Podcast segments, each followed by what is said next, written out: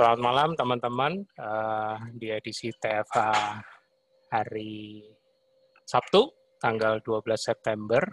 Saya mau sapa narasumber kita yang selalu setia founder KFI, Mas Tio Prasetyo. Halo Mas, sudah hadir? Halo Mas. Ya. Suara jelas? Jelas Mas. Ya. Aku lagi nyari Mas Harun Akbar. Ya, ini ada. Halo Mas Harun dan narasumber kita, Dr. Harun Albar, spesialis anak. Halo Mas. Belum on ya? Ah, oke. Okay. Halo Mas Harun. Ya, sel iya, ya. Assalamualaikum, selamat malam.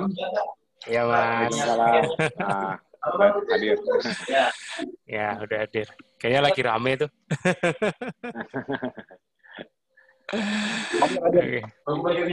Maaf telat masuk di tengah meeting juga di sini. Oh, oh iya. apa-apa. apa. Ya. Oke, Mas Tio, silakan. Monggo. Ya, yang lain tadi Ya, cukup pakai Ya, gimana? Di... Ya, oke. Okay. Mas Harun ada itu uh, apa namanya? Hands free. Ya. Mas Harun ada hands free, Mas?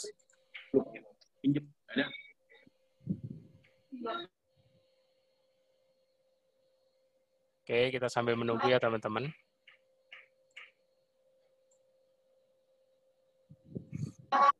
Oh, kayaknya keluar. Kita menunggu. Sinyalnya Mas Harun agak merah nih, jadi agak keputus-putus. Apakah pakai WiFi? Sinyalnya Mas Harun agak putus-putus. Kalau terdeteksi di aku, sinyalnya merah nih. Agak putus-putus ya? Iya. Oh, gitu. Tapi jadi nggak? Pakai WiFi atau sinyal oh, operator? Lancar nggak? Agak keputus-putus dikit sih. Uh, wifi soalnya uh, uh, coba mungkin bisa pakai sinyal operator kayaknya kayaknya sih bisa lebih bagus kayaknya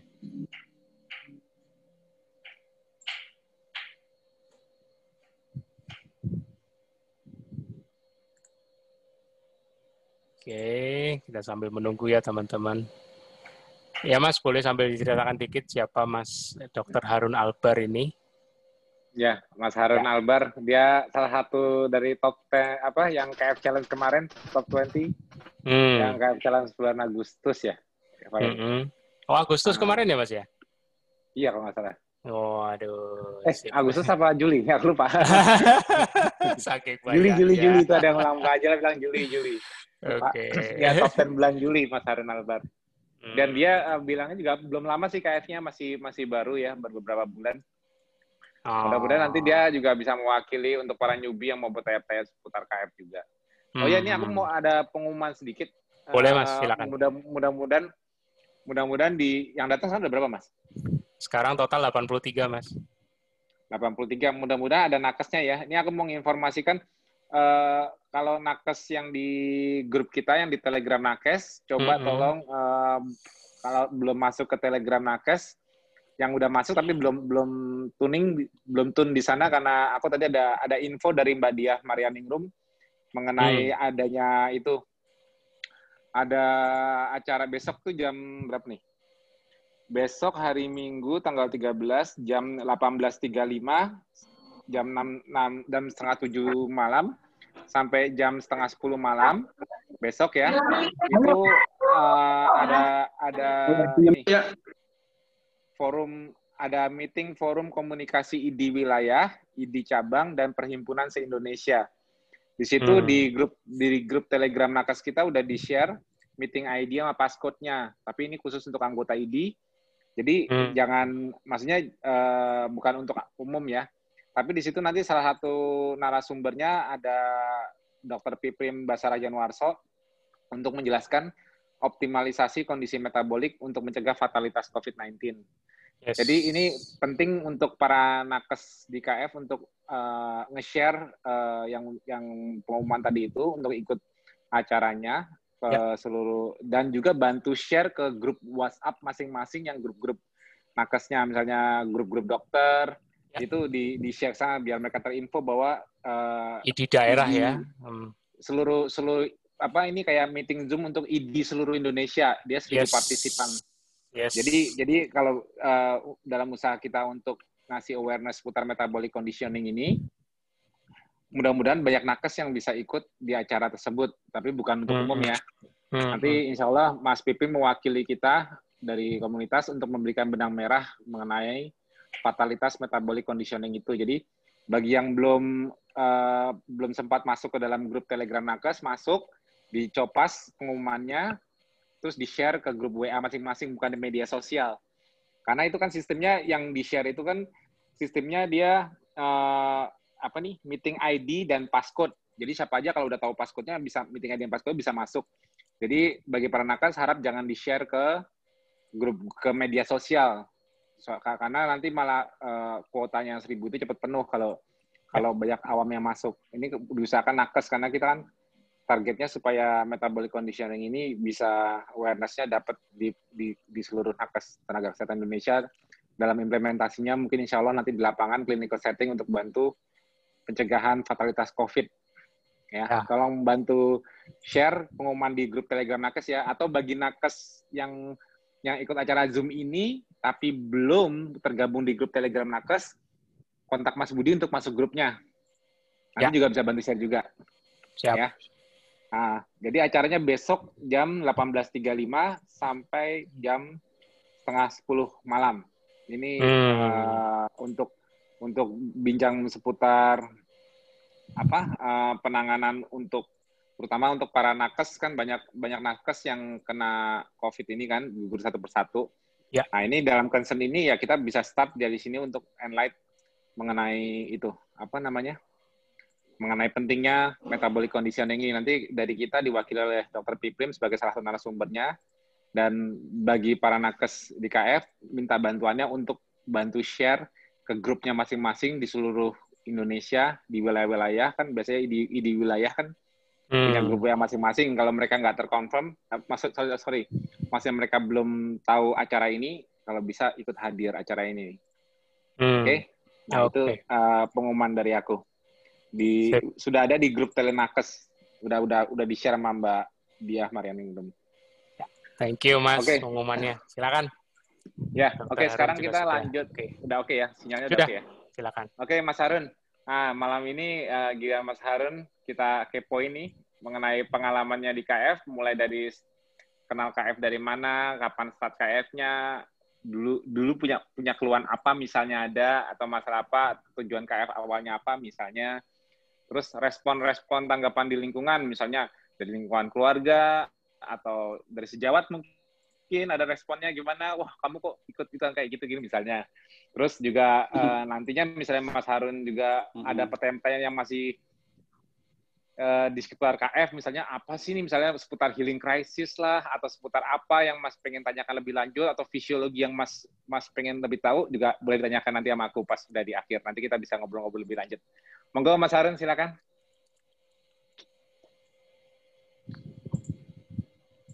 Oke, ya terima kasih Mas Tio. Uh, selamat. Ya.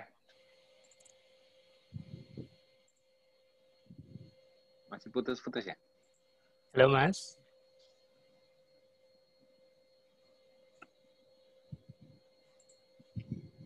Ah, iya, sinyalnya nggak stabil kayaknya beliau. Mas Harun. sinyalnya sepertinya di tempat beliau kurang stabil. Well, tadi sudah sempat oke okay, tadi. uh, kita coba sambil tunggu ya. Itu ada saran tuh tanpa video. Bisa aja, bisa aja. Nah. Bisa. Nanti kita tunggu Mas Harun uh, ini. Nah. Mas, ada banyak uh, teman-teman uh, pengen ngikut, walaupun sebenarnya ya seperti tadi Mas Tio bilang, ini kan yang tadi barusan diumumin, Mas. Ya, ya sorry nggak bisa. nah, ini udah hadir. Sorry, pokoknya intinya intinya intinya nanti percaya kita percayakan aja ke dokter Piprim insya Allah dia bisa mewakili yes. meng, uh, menginspirasi dari kita sumbang kita mengenai metabolic conditioning baiknya kita uh, uh, ini justru kita penting untuk untuk bikin awarenessnya di para nakes di seluruh ya, Indonesia betul. seputar metabolic conditioning ini. Betul. Takutnya kalau ada awam nanti malah ya yang aku khawatirkan nanti chatroomnya di forum mereka malah penuh sama sama kita lagi nanti kalau kitanya hadir semua di situ. Makanya uh, insya Allah aku sih nggak tahu ada rerunnya atau ada bisa ada ada rekaman apa enggak aku belum tahu juga. Ya, Tapi moga-moga ya. ya. Moga-moga ada kalau ada pasti di share. Hmm. Tapi intinya intinya uh, yang diperlukan sekarang ialah supaya jadi pesan berantai bagi para nakes untuk memberitahu nakes lainnya yang misalnya anggap aja gini.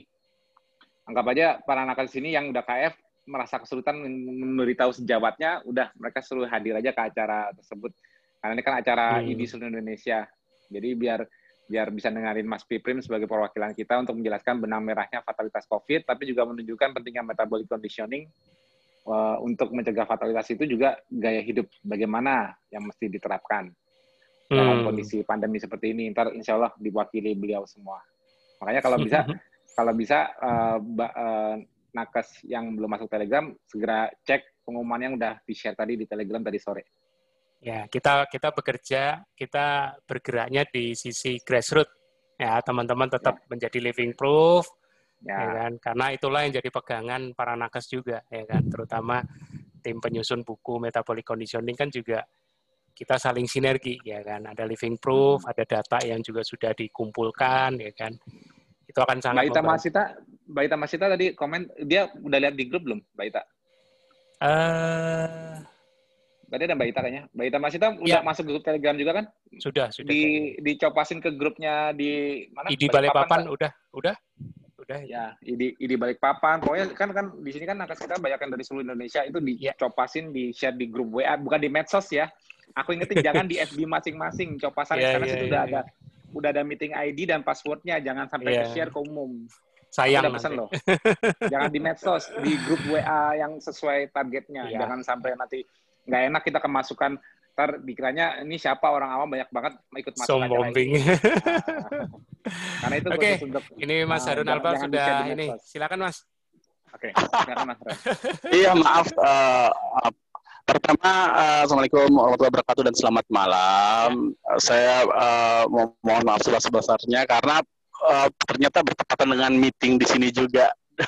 Oh, jadi, jadi saya ada meeting, ya? meeting yang yang lain iya gitu. Nah, uh, saya udah pindah ke sini. Jadi ya memang uh, untuk ketofastosis itu sangat menarik dan sangat masuk di akal.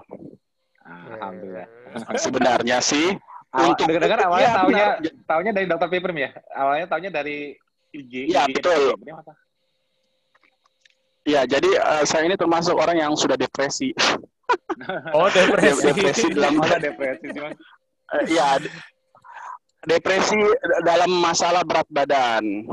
Hmm. Saya melakukan segala cara untuk menurunkan berat badan uh, dari diet segala macam ya, uh, dari diet A sampai Z, dari yang kelihatannya seperti masuk di akal sampai nggak masuk di akal. Uh, saya pun uh, sempat uh, ini malah uh, sedot lemak. Oh ya? sedot lemak. Oke. Okay. Iya, wow. sempat Oh iya, karena kita keluarga dari kita keluarga dari memang uh, tipikal tubuh yang uh, endomorfik. Pasti semua udah pada tahu ya, ada yang ektomorfik, ada yang meso dan ada yang endomorfik. Uh, hmm.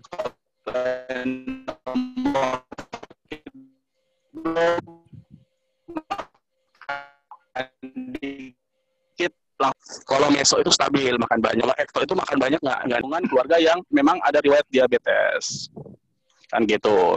Nah, uh, fluktuatif uh, berat badan saya itu awalnya sih saya kecil, terus pas masa remaja udah mulai naik berat badan. Uh, pada saat mahasiswa puncaknya itu sempat 90 itu 90 sampai 100 saya fitness terus melakukan pola-pola makan yang seperti biasa ya sempat pun dengan berbagai macam obat diet tentunya dari yang memang diresepkan oleh dokter sampai ke herbal. Ya, dan itu terjadi diet yoyo. Jadi dari pengalaman uh, dari 100 turun 85 naik lagi 90 turun ya segitu. Sampai makanya saya ini udah termasuk frustasi. Terakhir kali saya di Jakarta kerja sebagai dokter spesialis anak itu 122 kilo. Wow ada foto devonya udah aku WA ke Mas Budi ya kalau mau dimasukin Siap. Ada, ya ada empat, ada empat itu. Ada yang 122 kilo, ada yang masa proses, ada yang pas saya foto, dan ada yang yang memang uh, keinginan saya, target saya. Tapi sebenarnya uh, sehat adalah yang tujuan utama, bukan menurunkan berat badan. Menurunkan berat badan bonus. Itu hmm. yang penting. Oke. Okay. Nah itu. Jadi memang, uh, uh, jadi uh, begitu saya melakukan diet uh,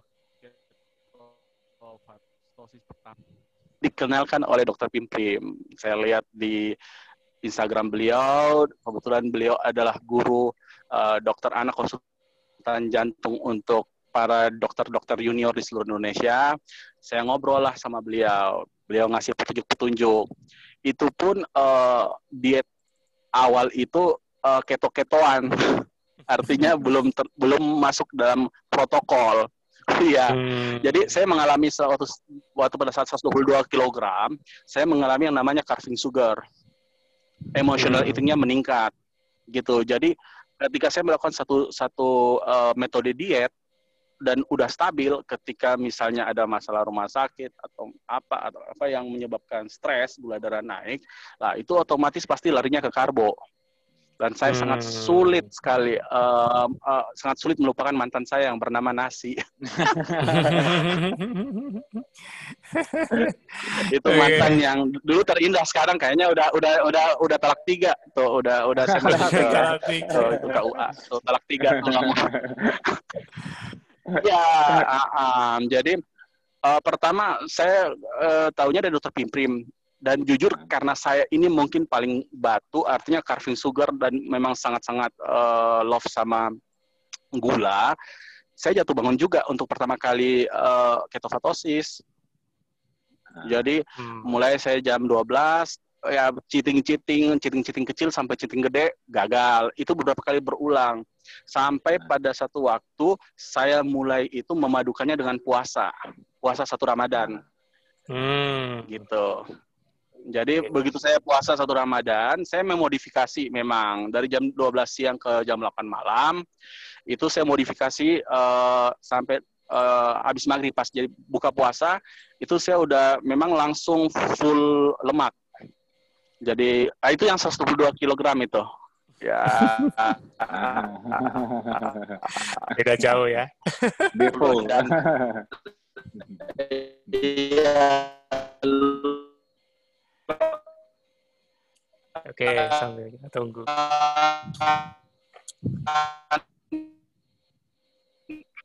Memang sangat-sangat memang bucin terhadap nama saya. Nah, begitu saya hari bahwa kita memulai keto itu kan sangat sulit sama orang yang carving sugar untuk restart agar bisa memulai dengan lemak itu ya puasa itu. Hmm. Jadi walaupun kita mulai ketogenik itu jadi mungkin kalau orang yang melakukan ketogenik tanpa fastosis orang-orang seperti saya yang memang uh, pecinta-pecinta karbo itu start jadi hmm. gitu. Nah saya memang agak modifikasi waktu itu. Jadi jadi habis maghrib buka puasa saya langsung uh, hajar semua lemak yang ada di meja dengan protein apa segala macam terus sahur. Nah ini saya masih citing citing saya minta maaf sama Mas Tiot. Modifikasi sedikit. Citing saya itu yang terus yang ngomong di di ya kan karena kan itu uh, merubah protokol yang ditetapkan oleh beliau kan gitu ah, jadi, jadi saya belum berpikir madu waktu itu di luar Hmm, uh, jadi uh. saya belum berpikir kalau madu itu di luar, jadi saya masih madu sama susu udah masuk gitu. Jadi madu sama susu hmm. masih masuk untuk uh, sahur waktu itu. Tapi memang lumayan lumayan drastis ya, lumayan lumayan drastis. Uh, nanti hmm. ketika saya udah mulai protokoler, eh sayang, ini lagi zooming, uh, ya zoom meeting. Jadi nggak uh, apa-apa nggak apa-apa. Jadi uh, begitu saya udah tahu protokolnya, baru saya memperketat. Cuman memang kuncinya di, di puasa. Orang-orang carving sugar, orang-orang pecinta karbo dan orang-orang yang memang susah lepas sama sama karbo, nasi dan bla bla bla segala macam, itu memang harus memulai dengan puasa. Itu yang yes. saya rasakan. Yes. Baru Jadi begitu baru. begitu saya kontrol metabolisme, ya betul bisa konsisten di situ. Jadi begitu wajar lemak sama protein, kemudian sahur memang agak citing-citing sedikit madu sama kurma, uh, bukanya lagi ya seperti itu, memang turun drastis memang pada saat itu ya, tapi belum mungkin belum di fase ketosis. Tapi di situ pengalaman yang paling lucu itu ini orang mau kurus kok makan lemak sama protein di situ. Jadi pada bingung. Uh, pada saat iya. awal-awal mulai sebulan dua bulan, loh kok kurus banget sih kan gitu uh, teman-teman nah. apa uh, teman-teman di rumah sakit, di loh sakit, iya di rumah sakit, uh, loh kok kurus nggak pernah makan ya makan makan apa makan enak. Nah kebetulan saya ini tipikal memang saya ini kan uh, tipikal uh, pecinta kambing memang. Jadi ah, saya sangat bersyukur ah. menemukan Dead Cat. Oh, memang pecinta kambing dari dulu. kambing sama hewani ya, suka lah ya. Kalau hewani-hewani semua suka semua. Ya? Iya, memang. Iya, memang mem memang sudah memang dari dulu suka hewani memang. Ya hmm. udah, hmm. yang lucu di situ lu kok uh, mau mau kurus makan lemak. Hmm, jadi gue ini kan gitu gue nggak habis pikir sama lu kan bilang gitu. Saya mah ketawa aja gitu. Ada tiga orang ada tiga tiga persepsi terhadap saya. Ada tiga persepsi terhadap saya waktu itu. Ya namanya proses menurunkan 122 ke 100 sekarang ini saya 100 loh mas. 100 100 pas. Ini tinggal melangkah ke dua digit. Nah waktu saya masih kisaran 110 ada tiga orang orang yang lama pernah ke, orang yang lama sama saya, orang teman-teman lama yang memang tahu saya 122, terus lihat saya 110 kan kaget. Ya. Itu mereka ngomong makan apa aja, minum obat apa aja. Bilang enggak, cuman palingan uh, makan lemak sama protein. Masa sih makan lemak malah turun kan gitu. Orang-orang awam gitu bingung. Loh, makan lemak harusnya tambah gemuk, bukan bukan tambah tambah turun kan gitu. Hmm, hmm. Nah, itu itu yang pertama. Uh, ada orang yang baru kenal saya pas saya man 110 kilo. Itu saya hmm. makan lemak banyak, uh, dibilang sama teman-teman saya yang baru kenal saya, Mas, turunin berat badan, Mas. Jangan makan lemak sama protein, Mas. Banyakin sayur aja. gitu. kan kocak saya ketawa-ketawa aja, saya senyum aja. Ah, iya. ah, dan ada terus, orang, ah, dan ad, dan ada tipikal nakes yang yang paham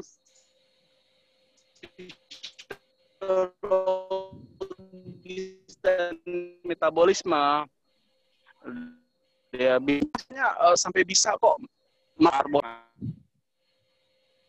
macam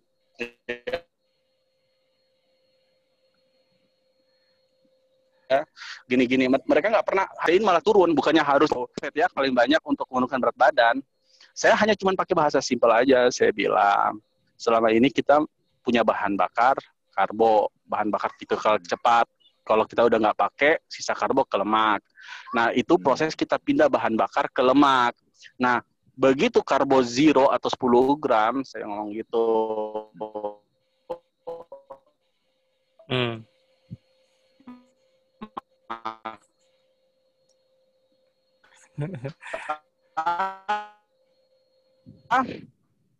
otomatis gitu. Akhirnya terpaksa ada kan udah nggak ada bahan bakar lain. Nah, begitu ada bahan bakar lain yang berupa lemak, nah di situlah proses terjadinya menurunkan berat badan sekaligus uh, menurunkan efek inflamasi sekaligus menurunkan efek sindrom metabolik kan gitu. Oh ya, akhirnya mereka menganggap oh ya masuk di akal. Iya, jadi kalau saya mainnya bahan bakar aja mas, gitu aja udah nggak ngasih penjelasan lain. Karena itu kan lebih nah. simpel. Ah, nah, cuman saya bilang sama mereka, perbedaannya gini, karbohidrat hmm. tipikal kita kalau punya mobil pembalap itu ada nitro tuh langsung kencang hmm. terus nos. gitu kan bahan bakarnya jadi cepat sedangkan kalau ya nos betul kalau misalnya lemak itu tipe bahan bakar lambat nah hmm. kalau misalnya itu menjadi jawaban buat teman-teman yang saya ngomong itu ke teman-teman kan dia mereka hmm. bilang wah kalau kita nggak makan karbo oleng apa segala macam kan gitu saya bilang ya, iya proses oleng itu proses oleng itu bakar tipe cepat nos itu habis, tubuh udah nggak punya bahan bakar lagi. Sedangkan yang yang bahan bakar lemak itu lagi sementara proses untuk terbentuk.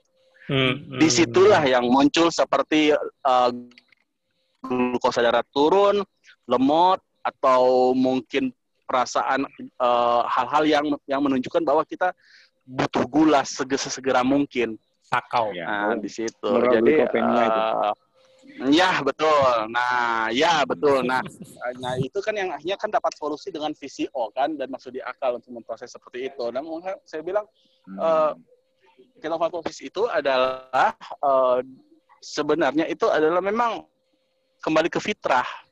Hmm. Kembali ke fitrah. Eh nggak apa-apa hmm. sini. Hmm. Ini juga keto warrior ini ntar. Waduh, nah, mantap. oh, udah nah, main lagi. Ngikut papanya. Jadi, gitu. Jadi gitu. Jadi uh, saya sih bukan papa sih. Oh, bukan. saudara menakan. Oh, saudara. Jadi uh, uh, balik ke fit, fitrah memang tubuh kita memang itu hmm. satu. Yang kedua memang ya kita kan sebenarnya kan karnivora. Bukan ya bukan bukan bukan bukan karbo gitu. Bukan kebo. nah, kalau ketemu sama teman-teman nakes iya, tukang makan kebo kira kurang lebih.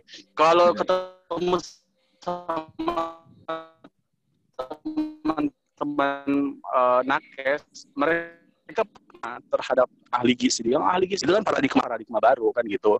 Jadi justru kalau misalnya ketemu yang non nakes dibuat lucu-lucuan, ah lu nih bego mau turunin lemak kok makan lemak kan gitu, lemak makan lemak, jeruk makan jeruk nih ceritanya kan gitu nggak pernah percaya kan gitu. Gitu. Kan uh, karena mereka nggak paham memang secara umum kecuali dengan bahasa-bahasa yeah. simpel yang seperti saya katakan tadi. Tapi kalau misalnya ketemu sama teman sejawat itu yang kayaknya putar otak tuh untuk mikirin tuh. Mereka tanya gimana uh, beban ginjalnya kok 80% lemak yeah. gimana uh, dengan uh, beban hati gimana dengan ini gimana ini. Kalau kalau saya kan secara logika aja kan mereka nanya terus kalau makan lemak itu gimana dong? Kita punya kolesterol. Itu justru semua pada habis karena dipakai bahan bakar makanya trigliserid turun HD, apa LDL turun kan gitu. Ya bu ya karena lemak itu bahan bakar cadangan ketika masih ada karbo. Ketika karbo udah nggak ada ya udah itu aja yang dipakai. Dan ini sebenarnya lifestyle sih kembali ke fitrah kita sebagai manusia yang memang pemakan daging sih pemakan kebo sih Betul. Itu pengalaman saya. Jadi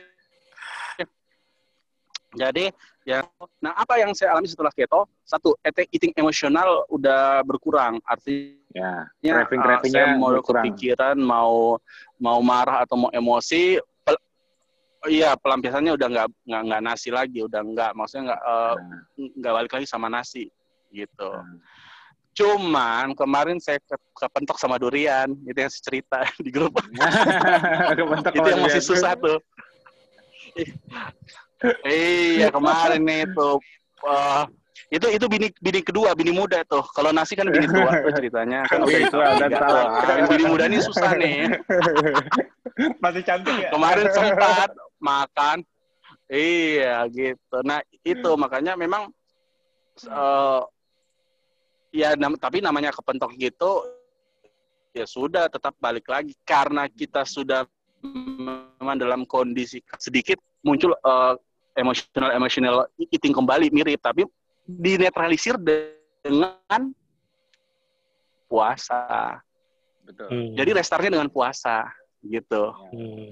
Hmm. Akhirnya setelah saya makan kurang lebih eh, saya sedikit aja sih Mas uh, makan duriannya kemarin sih kelepasan uh, satu butir aja sih sebenarnya. Ya ukuran saya kecil sedikit itu. sedikit. termasuk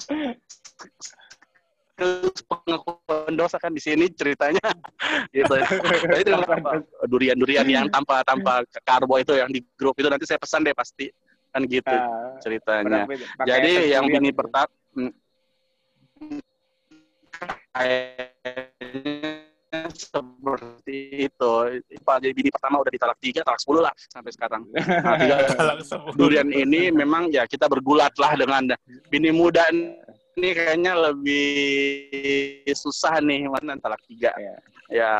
Nah itu tapi jangan bolak-balik cheatingnya dong. Nah, itu. Ya, Benar, itu kan itu tapi tapi tapi itulah namanya proses. Wah kalau hmm. begitu saya nggak bisa Betul. ke Medan dong lihat durian ucok bisa kalah. Betul. iya jadi jadi intinya gitu.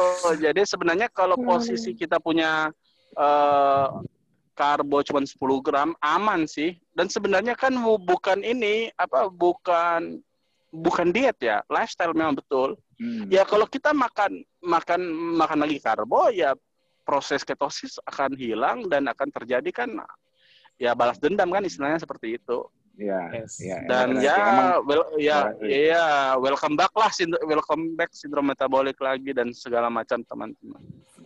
ya, gitu.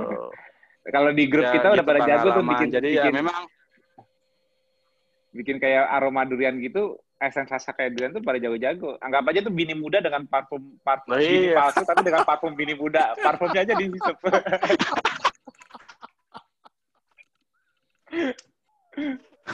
ya, ya gitu. Udah enggak roti apa segala macam. Ya kuncinya sebenarnya karbo bukan lah. Bukan memang pilihan pilihan kita lah. Udah, udah Nah, iya kurang lebih gitu. Iya, kurang lebih seperti itu. iya, jadi intinya memang di, harus di bawah 20 gram lah di tubuh. Proses ketosis itu proses yang paling nikmat lah ya. Uh, saya ngobrol ini sebagai nakes dan non nakes gitu. Jadi uh, decrease apa decrease dari sindrom metabolik tapi uh, fungsi-fungsi lain uh, meningkat termasuk fungsi kita sebagai laki-laki sejati loh. Ya. itu udah pakarnya Mas Gembong itu, udah pegang. Yang paling Gembong itu. Ah, iya, yang Mas Tio paling kencang itu ngomongnya karena dia udah menikmati KF sudah lama. Dan itu memang secara ilmiah masuk gitu. kan gitu. Betul. Ya gitulah sampai sekarang ini dan terima kasih Bang. Ya ya ya butuh lingkungan loh ya, Mas. Butuh lingkungan. Hmm. Sampai saat ini saya butuh lingkungan seperti Mas, grup KP karena gitu untuk untuk untuk membuat kita uh, komitmen dan pada oh, akhirnya nanti setelah kita berlatih ya diri kita yang harus berkomitmen terhadap lifestyle ini. Hmm. Iya, jadi kurang lebih seperti itu pengalaman saya dari dari ini dari uh, dari KF. Nah itu jadi kalau masalah pertanyaan, karena saya belum sempat gali secara spesifik uh, tentang update-update masalah uh, 80% 90% lemak ter, uh, terhadap beban ginjal, uh, terhadap beban hati kan gitu. Itu uh. itu memang uh, secara update mungkin uh, yang channel-channel udah udah udah Nah, sama nakes mah tinggal nyari aja update artikel dengan penelitian yang tepat, lalu udah suruh mereka baca aja lah. kan gitu. Tapi yang paling yang paling penting tuh apa yang gitu. dirasakan di badan. Apa yang dirasakan badan nggak bisa bohong. Mau iya. mau didukung seribu artikel, iya, kalau itu, badan nggak enak ya nggak bakal cocok. Iya betul, saya setuju itu. Jadi intinya kita ini ya ketergantungan dengan karbo menyebabkan sindrom metabolik dan gejala-gejala sindrom metabolik itu sendiri yang yang yang ada di badan kita. Dan gejala-gejala sindrom metabolik yang sangat-sangat minimal itu ya mungkin dianggap tubuh kita sebagai itu sesuatu yang ilmi yang yang lumrah yang wajar. Kan gitu. Hmm, hmm. jadi sakit kepala terus uh, insomnia kemudian gula darah naik turun atau apa kita nggak nggak nggak lihat metabolisme dasarnya kita nggak ngelihat penyebabnya kita cuma nyari obat aja kan itu. Yes. Hmm, gitu. meredam jadi simptom. yang tantangan kita ini hmm oh, oh, kan ada gejala-gejala yang mungkin karena udah lama ya ya bangsa kita kan bangsa karbo kan lambangnya padi. Hmm. ya, itu. Garuda, garuda padi ya nah, kan gitu. Jadi, jadi ya ya artinya eh, ya, ya ya memang di Asia memang uh, menu utamanya kan karbo gitu. Nah, itu kan tantangan hmm. tersendiri kita uh, untuk uh, merubah itu biar lebih sehat. Bahkan saya pengen berguru nanti bagaimana kalau kita buat empasi empasik jadi makanan pendamping ASI ketosis nah itu bagus untuk anak-anak jadi nah. kita mau nah itu Ini bagus itu tuh. saya kayaknya perlu perlu bareng uh, guru saya dokter Pimprim untuk uh, membuat itu ya betul mantap nah. mantap makanan pendamping nah, cukup cukup itu sebetulnya hmm, jadi jadi cukup Hmm, cukup karbo aja itu dari ASI. Di luar itu nggak usah. Iya, betul. betul. Kan gitu. Ya, kurang lebih itu, Mas. ya, keren-keren bagusan. Maaf jika lebih kurangnya. Iya, ah. bagus bagus.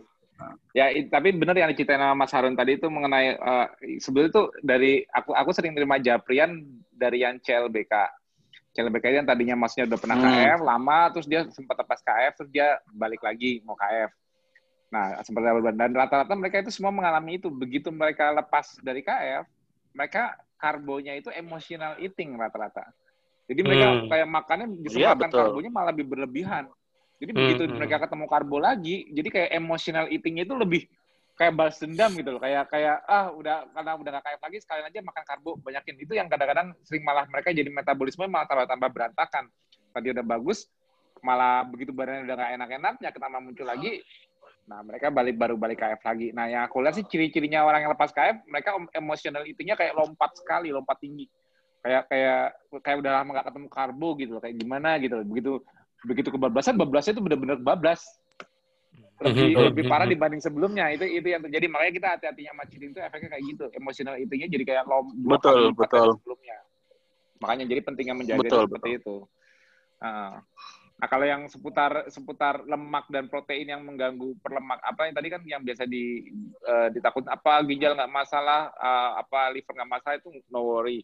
Kalau secara fisiologinya secara fisiologinya itu justru kalau mau ngomong lemak, lemak lemak itu justru paling terakhir diutilisasi di liver kalau betul. dari dari sumber makanan. Nah, karena kan jalurnya yeah, lemak itu kan betul, kan limfatik. Betul Sel limpatik baru ke darah, diambil seluruh tubuh, sisanya nggak kepake oleh hmm. oleh mikron, terakhir baru ke liver. Yang hmm. yang langsung straight ke liver, yang langsung straight ke liver itu itu sumbernya hmm. protein, amino asid atau karbohidrat, glukosa. Itu langsung straight ke liver. Nah, itu. Nah, kalau kalau untuk memberatkan ginjal enggak, insya Allah enggak. Karena apa? Karena protein yang membuat ginjal rusak itu ya, ya aku bilang di TFA sebelumnya cuma dua. Satu, tekanan kalau tekanannya tekanannya selalu tinggi, ginjal cepat rusak. Artinya kita yes. harus jaga tensi. Justru malah kan hipertensi teratasi dengan KF. Hmm. Yang kedua ya, ya betul. gula darah tinggi itu merusak ginjal. Jadi kalau kalau kita gula darahnya tinggi terus, ginjal kita lama-lama bisa rusak. Nah, KF juga nge-reverse hiperglikemia.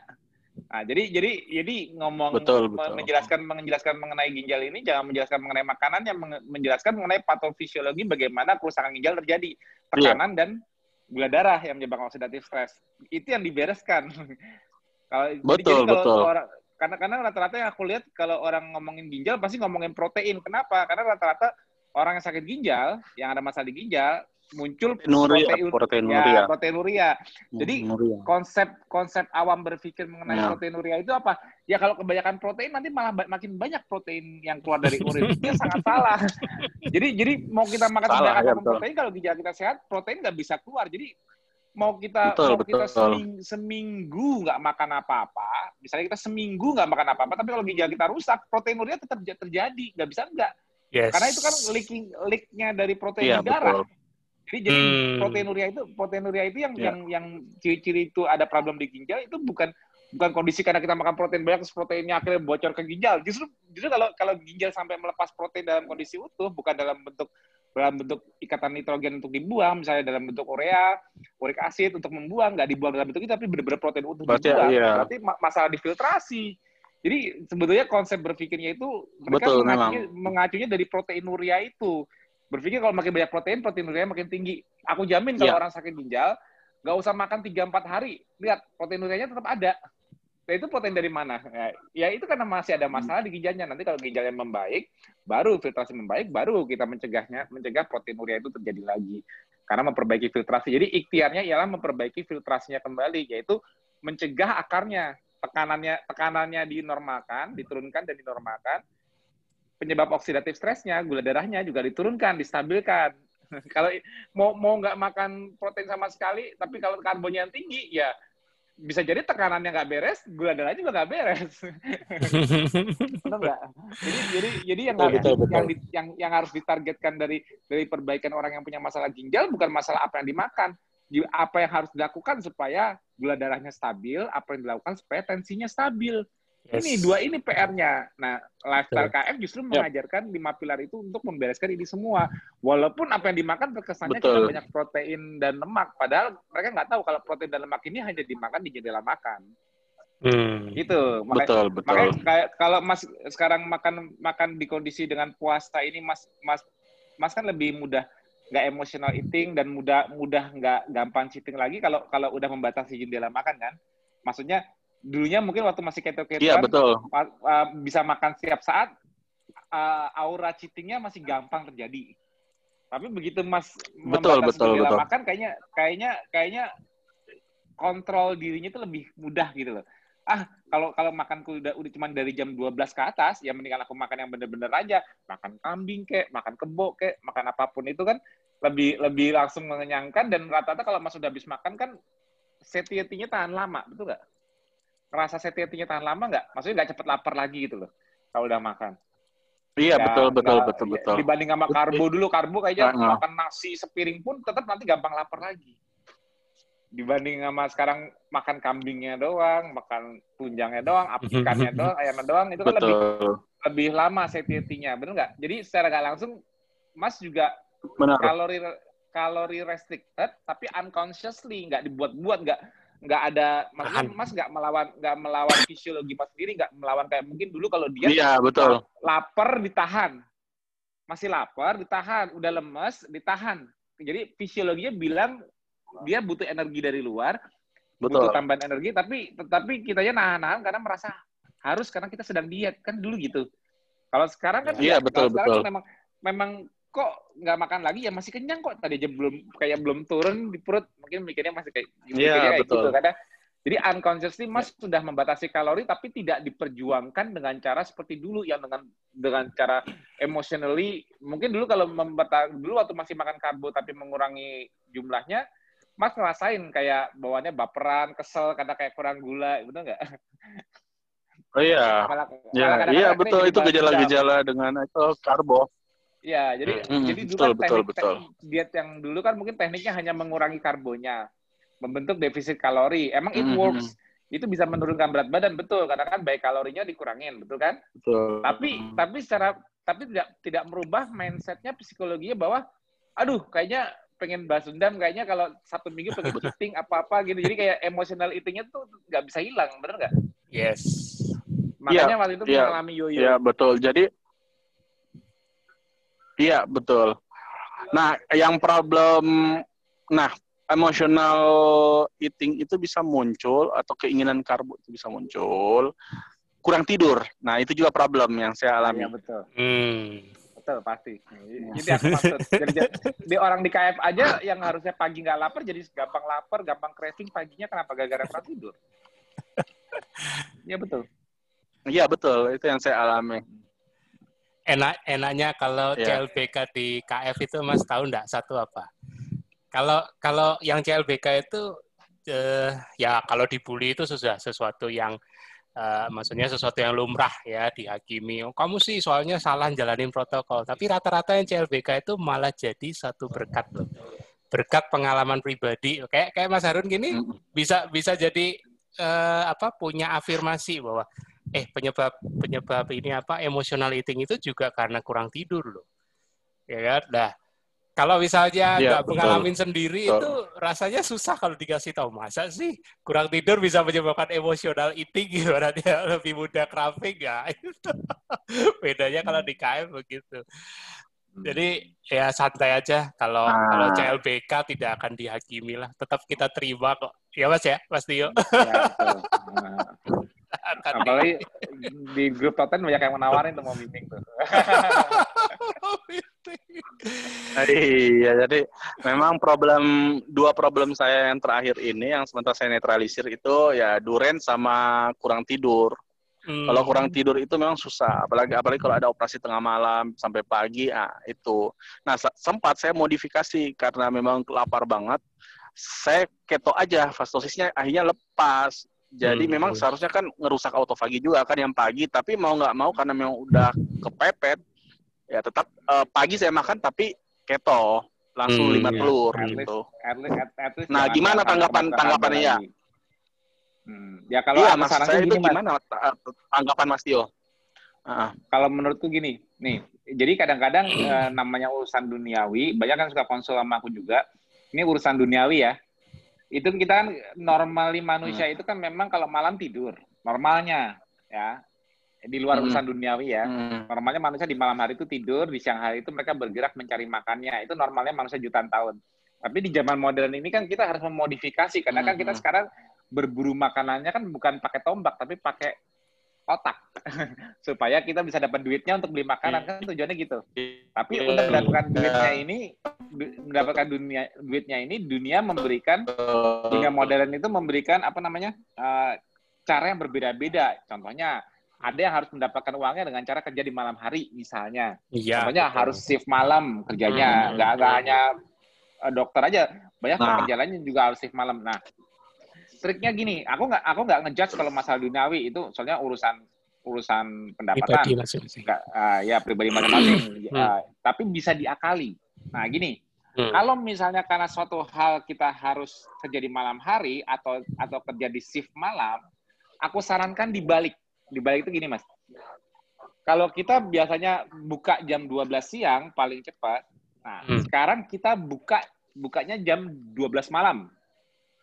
Nah, jadi jadi jendelanya yang 8 jam itu dibalik aja. Jendela 8 jam dibalik jam 12 malam sampai jam 8 pagi. Tapi pastikan hmm. kita bayar tidurnya. Jadi kalau malam kita harus kerja, pastikan kita bayar tidurnya juga sama. Kan kalau saranku sih, walaupun untuk urusan duniawi, jangan sampai kita dipaksa malam begadang, si paginya nggak boleh balas tidur karena kamu harus kerja terus karena mungkin kantornya atau apa pun yang menyuruh kita 24 jam nggak boleh tidur. Itu yang kita boleh komplain. Tapi normalnya sih kalau orang udah shift malam, boleh dong siangnya istirahat. Masa sih harus kerja? Nah, kalau memang sesuai dengan normalnya seperti itu, kita bisa menggunakan teknik di balik ini. Begitu kita tahu, begitu kita tahu mau ada shift malam atau kerja malam, kita postpone aja tidurnya jam 12. Eh sorry, kita postpone makannya buka jam 12 kalian. Jam 12 malam atau misalnya jam 12 malam masih ada operasi atau apa kerja ya udah nanti jam satunya. Pokoknya nanti tutup tutup makanku jam 8 pagi aja. Karena kan hmm. nanti kan hmm. pulang pagi apa gitu, mandi apa apa. Nah, sekarang kalau kalau kita targetnya tidur di bawah tidurnya di bawah jam 10 malam, ini kita balik. Kita berusaha tidur sebelum jam 10 pagi. Nanti kita hmm. bangunnya ya ya kalau kalau siang kan mungkin kalau yang muslim kan bangun bangun jam 12 sholat zuhur tidur lagi. Nanti jam 3 tidur lagi. Nanti baru benar-benar meleknya jam 4 sore. Nah, gitu. Jadi jadi jadi jadi kita tinggal kayak ngebalik patternnya, pattern dalam 24 jam kita balik posisinya aja. Jadi Mas mau makan pagi karena malamnya begadang nggak tidur ya wajar karena kalau cravingnya tinggi. Jadi karena Mas kerja malam jam paginya makan itu selama makan nggak makan karbo itu sebetulnya jatuh cheating tapi cheating masih bisa acceptable dibanding yang dengan si bini muda tadi. Hmm. kalau bini muda tidak acceptable. Tapi kalau kalau kalau untuk makan pagi karena satu hal jadi craving karena tidur nggak bagus itu masih masih acceptable karena tidak mengeluarkan dari kondisi ketosisnya. Ya. Tapi yang nggak acceptable itu kalau dengan bini muda. Makanya ingat ya yang pada punya bini muda. pada punya kayaknya, bini muda. kayaknya udah ada istilah pengganti nih untuk karbo. Sepakati aja deh. uh, Oke, okay. nah, uh, ini sedikit gitu nanya ya. nih uh, buat uh, Mas Harun ya. Uh, oh ya, silakan Mas kalau mau nambahin, monggo. Nah, jadi gini, itu kalau jam kerjanya pasti kan gitu. Artinya hmm, kan iya. dia ada shift-shiftan. Cuman kalau tipikal kita dokter Sesekali, itu ya. apalagi yang operasi nah itu, itu memodifikasinya itu susah. Incidental. Misalnya hari ini tiba-tiba ya. Uh, iya, incidental. ini, ini, iya itu kesulitan saya di situ. Kalau kalau shift malam shift itu misalnya seminggu shift malam kan enak, jadi bisa lebih ya. gampang. Tapi ini misalnya tiba-tiba hari ini jam 12 malam, jam satu malam operasi, setelah itu udah nggak operasi, besok masuk kan gitu. Terus besoknya lagi udah nggak operasi, jadi malamnya tidur, tapi besoknya lagi. Jadi jadi memang ya ya namanya orang lahiran mas kan tidak nunggu iya. waktu ya, mas kan iya. pasti ada aja yang brojol. Iya, betul betul. Nah, ke, ya, betul. nah saya saya kesulitannya di situ itu kesulitan yang yang belum saya pecahkan. Kalau yang di Sidoren kan hmm. udah kan cari cari cari bini, yeah. bini KW kan boleh lah. Ya, bini KW. Tapi kalau yang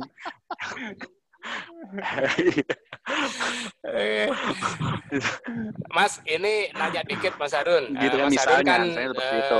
Nah, nah, nah yang kan problemnya itu yang in, in, hmm? Mas Harun kan hmm. profesinya spesialis anak di rumah sakit ya. Dokter anak. Ya, dokter anak ya. Jadi eh, ya, ada betul. ada ada beberapa uh, peningkatan uh, apa ini obesitas di anak-anak. Ada ada pengalaman enggak untuk untuk membagikan tentang uh, rendah karbo ini pada anak-anak, terutama ke orang tuanya ya mungkin ya.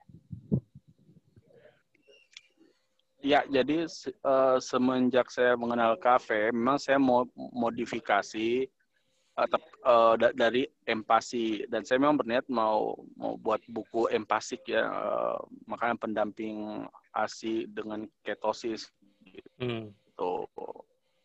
Cuman kan butuh butuh butuh literatur yang banyak, butuh penelitian dan apa segala macam. Hmm. Tapi uh, kalau anak-anak dengan karbo yang berlebihan, yang penelitian-penelitian yang pernah saya baca, anak-anak yang karbo berlebihan dan obesitas akibat karbo berlebihan, mm -hmm. sehingga obesitas itu potensinya kan uh, sindrom ke depan kan sindrom metabolik sama ya. jantung. Ya. Betul, betul. Gitu. Jadi jadi uh, uh, jadi kadang-kadang uh, ibu-ibu pasien ya udahlah untuk kalau misalnya masih asli eksklusif harus sampai 2 tahun dari situ aja karbonnya itu udah cukup. Nanti hmm. Hmm. untuk uh, untuk makanan pendamping A, uh, posisi untuk struktur tubuh kan protein kan gitu. Kalau ya. untuk kognitif anak kan tumbuh jadi jadi uh, karbo dikurangi, karbo dikurangi itu tidak mempengaruhi tumbuh kembang anak kan pada dasarnya itu. Yes. Nah, kecuali ke, ke, kecuali satu kecuali anak-anak yang malas makan kita kasih dikit karbo karena karbo itu indeks glikemik tinggi sehingga menyebabkan kelaparan kan? Kan hmm. gitu untuk anak-anak malas makan kan gitu. Ya udah karbonya lebih dikit nggak apa-apa bu kan gitu. Gitu. Tapi kalau untuk misalnya ini saya coba menerapkan dengan dengan ini karena saya katakan kalau dulu kalau dulu itu ya zaman-zaman kita masih kecil orang tua kita melihat kalau bayi-bayi yang yang gemuk itu adalah lucu kan Iya. Yeah. Jadi uh, untuk untuk sekarang harus uh, untuk sekarang kan eh, yang penting berat badan dengan tinggi badannya udah sesuai.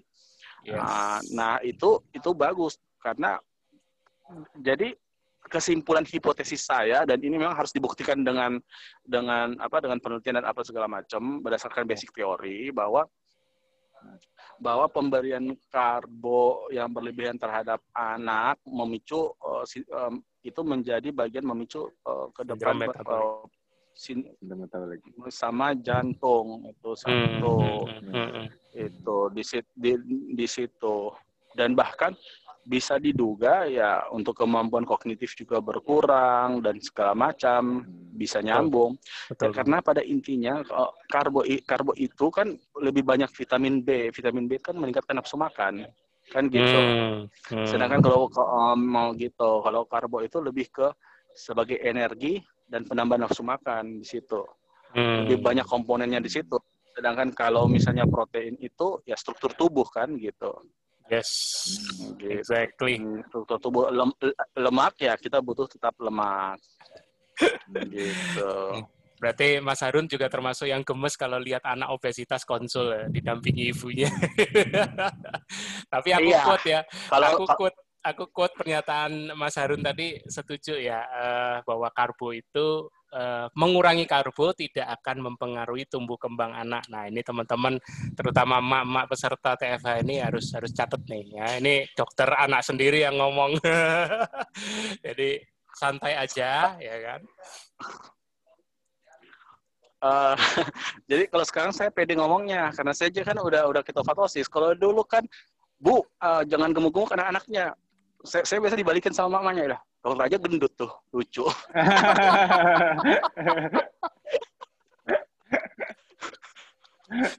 ya terpaksa lah kita ngeles. ya Bu, saya ini adalah contoh yang, yang yang buruk di masa lalu. iya, ya saya ya saya ini contoh yang buruk di masa lalu. Ya janganlah anak-anak ibu kayak saya yang gemuk harus nurunin berat badan ya. Aku boleh ngomong kayak gitu. Tapi kalau sekarang mah kagak ada ampun deh. Nggak nggak bisa dibalikin lagi sama itu ibu-ibu. kan gitu.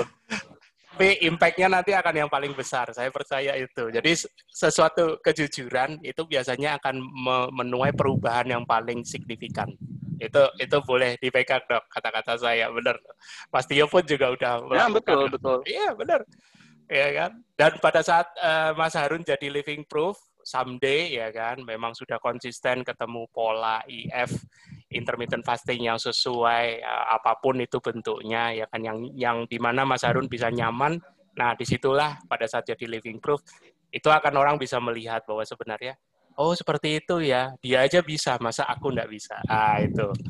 Itu sesuatu yang akan jadi dahsyat itu nanti. iya. Kan, uh, Mas, uh, karbo itu kan identik dengan manis ya? Atau menurut Mas gimana? Ah, ini Mas Tio. Monggo, semua ayo. karbo pasti manis. Ah. ayo, Mas. Ya, jadi jadi jadi sebut sebetulnya gini, semua karbo kalau di, dibiarkan terpecah sampai gini kayak nasi, nasi itu kan basicnya sebetulnya nggak manis. Tapi kalau hmm. nasinya dikulum-kulum sampai sampai amilasnya kita bisa motong sampai ketemu glukosanya, nasi rasanya manis. Nah, jadi jadi anggapnya nasi nggak usah nih. Nasi itu kan disebut disebutnya kan starch. Starch itu kan rang, jadi gini, basic karbohidrat itu kan ialah glukosa. Jadi kalau apa pun yang mau kita dapatkan, mau kita makan ubi, kentang, singkong, apa pun itu, iya betul.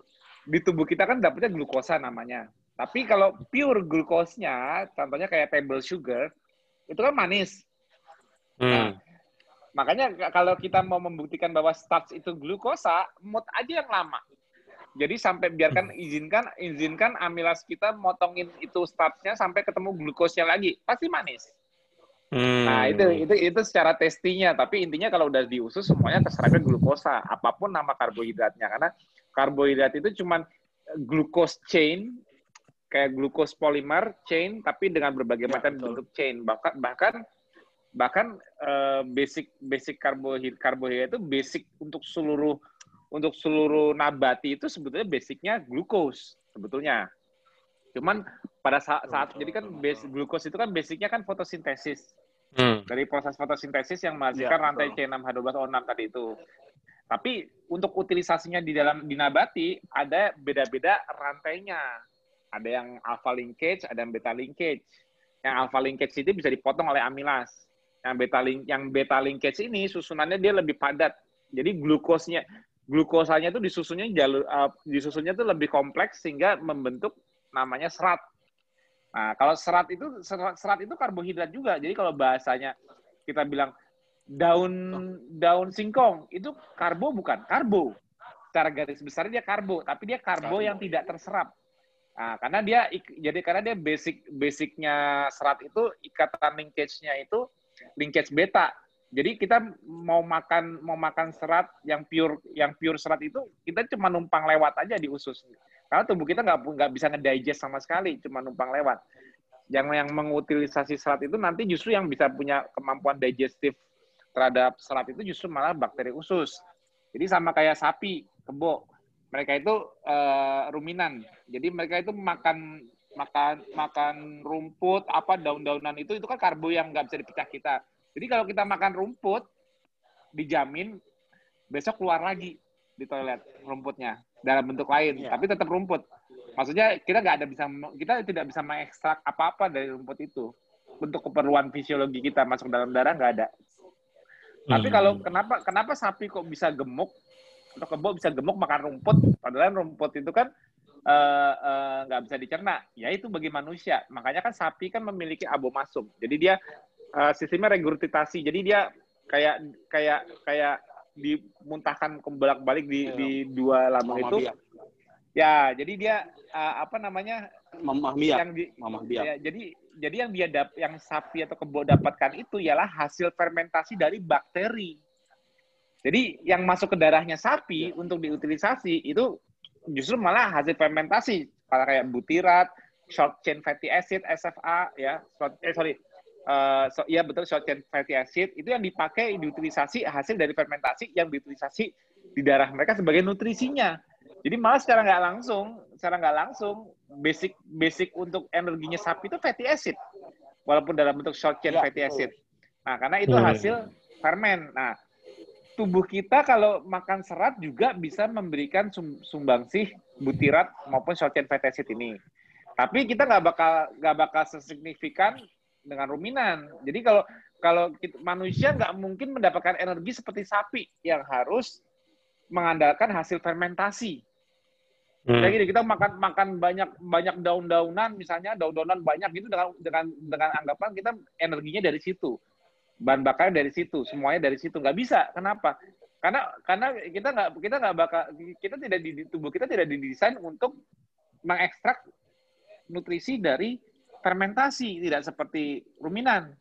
Beda, kalau kita, karena usus kita pendek, nggak panjang, jadi kita harus lebih efisien dalam meng, meng, meng, mendapatkan nutrisi dari makanan.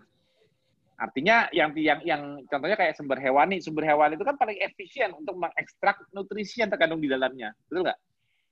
Lemak maupun protein yang kita makan dari hewani itu begitu kita kita digest di lambung. Kalau untuk protein digestifnya terutama di lambung. Karena mesti didenaturasi dulu proteinnya supaya lebih mudah. Nanti dipotong proteas di usus halus dan diserap. Itu itu itu proses untuk mendapatkan instan kalori. Instan. Jadi jadi kalau secara alamiahnya manusia itu kalau udah di alam karena sulitnya dulu mencari makan karena sulitnya ya. Kalau sekarang kan mudahnya mudahnya untuk makan kalau dulu karena sulitnya untuk makan, manusia itu nggak punya waktu untuk merumput. Manusia tidak tidak tidak bisa setiap hari dekat makanannya terus. Misalnya kita tinggal hanya dekat makanannya terus nggak bisa. Kita harus mencari makanan kita. Makanya sekalinya kita makan, kita harus yang nutrisinya itu cepat diabsorb, cepat diutilisasi untuk refillnya kembali. Makanya kita makannya langsung yang direct sumber hewani. Kebanyakan normalnya. Tapi kalau kalau kalau hewani, kenapa dia dia ekstraknya dari nabati? Ya karena mereka memang bisa memanfaatkan hasil fermentasi dan mereka uh, istilahnya kita kita secara nggak langsung kita juga memanfaatkan apa yang berasal dari tanah, tapi kita secara secondary lebih instan. Kan sebetulnya kan hmm. basic basic kehidupan itu kan di bumi kan dari tanah. Hmm. Jadi kayak contohnya gini, uh, protein deh. Protein itu kan yang membedakan protein dengan makronutrisi lain kan karena dia ada nitrogen yes. di rantai karbonnya dia punya nitrogen. Yeah. Fiksa, fiksasi nitrogen itu kan sebetulnya di udara. Kan kandungan nitrogen itu sebetulnya adanya di udara kan. Betul. Pada saat betul. bumi punya atmosfer, nitrogen di udara udah ada. Hmm. Lalu di tanah terjadi fiksasi fiksasi nitrogen oleh bakteri. Hmm. Nah, nanti nanti nanti ini semua nitrogen jadi sumber sumber nitrogen bagi spesies hewani itu sebetulnya tanah. Sumber nitrogen paling awal ya itu ya dari tanah hasil dari fiksasi dari udara. Jadi begitu nitrogen itu dalam di, diikat dalam bentuk tumbuhan, tumbuhan entah itu rumput dan sebagainya, itu dimakan oleh hewan ruminan. Hmm. Nah itu untuk mendapatkan sumber nitrogen untuk struktur bagi hewan-hewan ruminan ini, kebo dan sebagainya. Nah bagi yang karnivor, mereka nggak bisa ikut merumput karena cara untuk mendapatkan nitrogennya udah beda.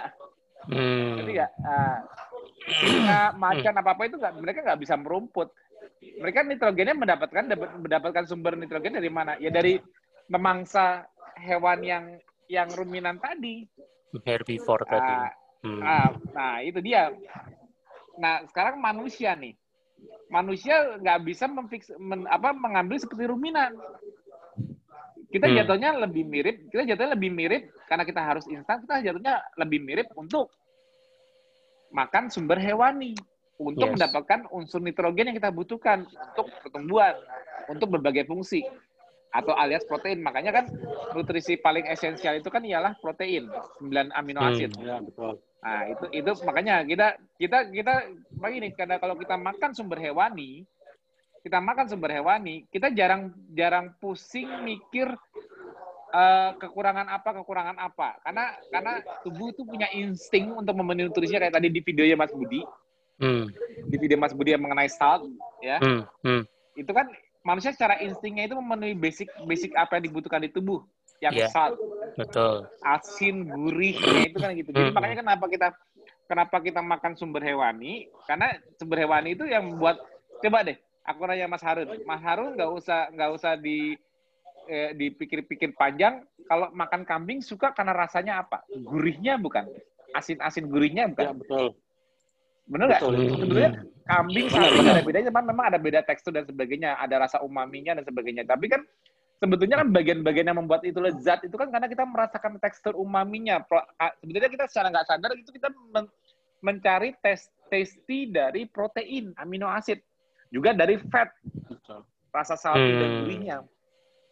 Makanya makanya tadi kayak kayak Mbak Angela aku sempat lihat sebentar di Facebook tapi nggak aku nggak nonton banget. Dia dia nge-share video yang anak-anak disuapin sayuran pada hoe-hoe ya karena sayurannya mentah. Coba dia di- coba dia dikasih sayuran Indonesia daun singkong dibikin sayur daun singkong dulu pakai santan pasti masak kangkungnya jangan dikasih Betul, mentah kangkungnya ditumis dulu dengan minyak di- dengan dengan lemak. Jadi jadi untuk untuk mengembalikan taste di lidah instingnya kita makan itu harus Hmm. ada unsur lemaknya yang diberikan. Ya kalau Hmm. mentah sayur-sayur mentah ya jangan heran anak-anak nggak suka. Coba dikasih Thousand Island atau mayonnaise yang ada unsur lemaknya. Pasti ketelan juga kemakan.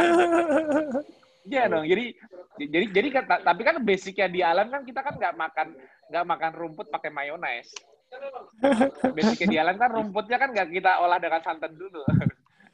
Itu yang bikin beda. Betulnya Nah, masih jadi mentah. jadi ya jadi jadi unsurnya itu kita kita kita testinya di lidah itu kita secara nggak langsung unconsciously kita berusaha memenuhi kebutuhan nutrisi kita di zaman kita nggak tahu vitaminnya itu apa aja yang terkandung dan kita mesti lengkapi.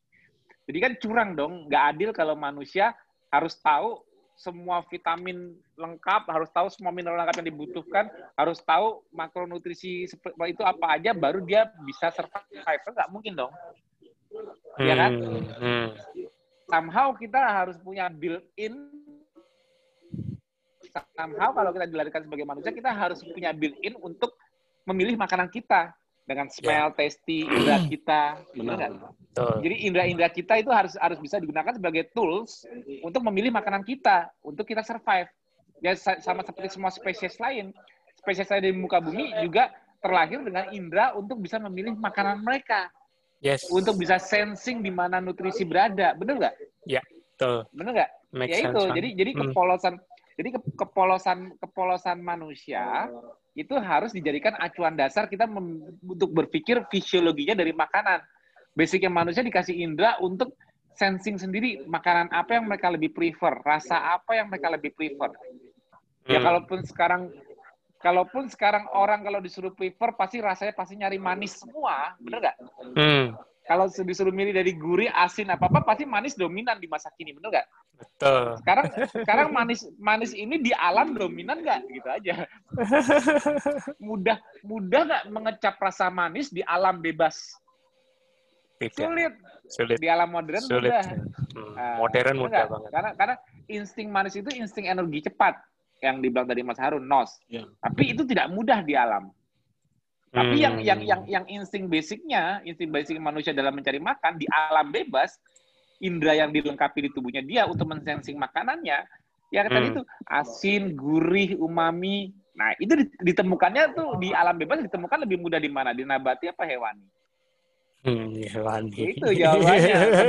Kalau kalau sekarang makanya bilang mbak mbak Angela nge-share itu salah. Karena di situ contohnya anak-anak bule pada di anak-anak bule dipaksa makan sayur mentah salad coba itu dikasih mayones dulu coba itu dimasak pakai santan dulu kayak kayak kayak di sini wah pasti suka deh nggak. tapi akhir, akhirnya kan unsur lemak nggak bisa dipisahkan dong karena untuk untuk makan itu har- harus menggunakan unsur lemak yang gurih yang Yes. pokoknya harus dikasih rasa supaya dia apa menjadi lebih nikmat gitu loh. Ya, menjadi lebih tasty ya. Ah. Mas, ini ada sedikit ini ada sedikit pertanyaan nih uh, dari peserta tadi. Uh, biasanya kan penimbunan lemak di organ visceral itu liver duluan. Biasanya ini ya. Betul, betul. Nah, kalau kasus perlemakan di pankreas tapi livernya masih normal itu seperti apa kronologi atau mungkin pathway-nya, Mas? Kronologi di pankreas. Kalau pankreasnya mengalami perlemakan, pankreasnya mengalami fatty, fatty pankreas, tapi livernya masih normal. Ya berarti gini loh, jadi gini, ini aku kasih tahu dulu. Ah, ya. Pada jadi yang organ organ paling utama yang harus paling insulin sensitif itu ialah gudang. Aku hmm. nanya balik, gudang kita di tubuh kita untuk tempat penyimpanan stres namanya apa? sel apa yang berfungsi menyimpan segala sesuatu yang berlebih dari tubuh kita disimpan di gudang yang bisa disimpan namanya sel apa? Ada yang tahu nggak? Ah, chat ya, ayo siapa yang tahu? Aku nggak ya, boleh jawab di, kalau udah Mas Tio bilang di, chat itu nggak boleh jawab. Di, di, chat, di chat ada yang bisa jawab nggak? Iya. Gudang sel yang berfungsi sebagai storage di tubuh kita sel apa namanya? Ayo. Storage, the real storage ya. ya berani ngomong. Nah, itu nah, sel lemak, betul. betul. Ya, betul. Yang, yang, ada, ada. Yang, yang tadi adipos, adipos ya. Jadi jadi jadi kalau kalau dengar namanya glikogen, glikogen itu kulkas kecil di seluruh sel di tubuh kita itu cuma sementara. Yes. Glikogen itu bukan penyimpanan, hmm. itu cuma penyimpanan kas sementara. Tapi kalau kita mau nyimpan ekses kalori dari makanan kita, itu semua harus nyimpannya di gudang kita, yaitu sel lemak. Berarti bentuknya yes. harus le lemak. lemak. Sedangkan hmm. untuk menyimpan lemak, itu kan butuh unsur glukosa, yaitu glycerol 3 fosfat. Betul. Ya enggak? Betul. Nah, karena sebagai sebagai jadi lemaknya Mengikatnya. itu harus di harus disimpan dalam bentuk triasil gliserol. Yeah. Jadi lemak itu tidak bisa disimpan dalam kondisi free tanpa ikatan. Dia harus hmm. ada, harus ada rantai esternya yang menjaga kestabilannya lemak ini supaya bisa tersimpan. Hmm. Makanya hmm. disebutnya namanya triasil gliserol atau triglycerid. Hmm. Makanya kita makan kalau kita makan cadangan lemak sapi, pasti bentuknya triglycerid atau triasil gliserol. Nggak yes. mungkin kita makan free fatty acidnya sapi, berarti kita minum darahnya dia kali. Karena kalau free fatty acid darahnya dia untuk dipakai sel-sel tubuh lain. Tapi kalau cadangannya dia pasti sudah dibentuk dalam bentuk rantai ester yaitu triacylglycerol atau bahasa yes. kita sebut triglycerid.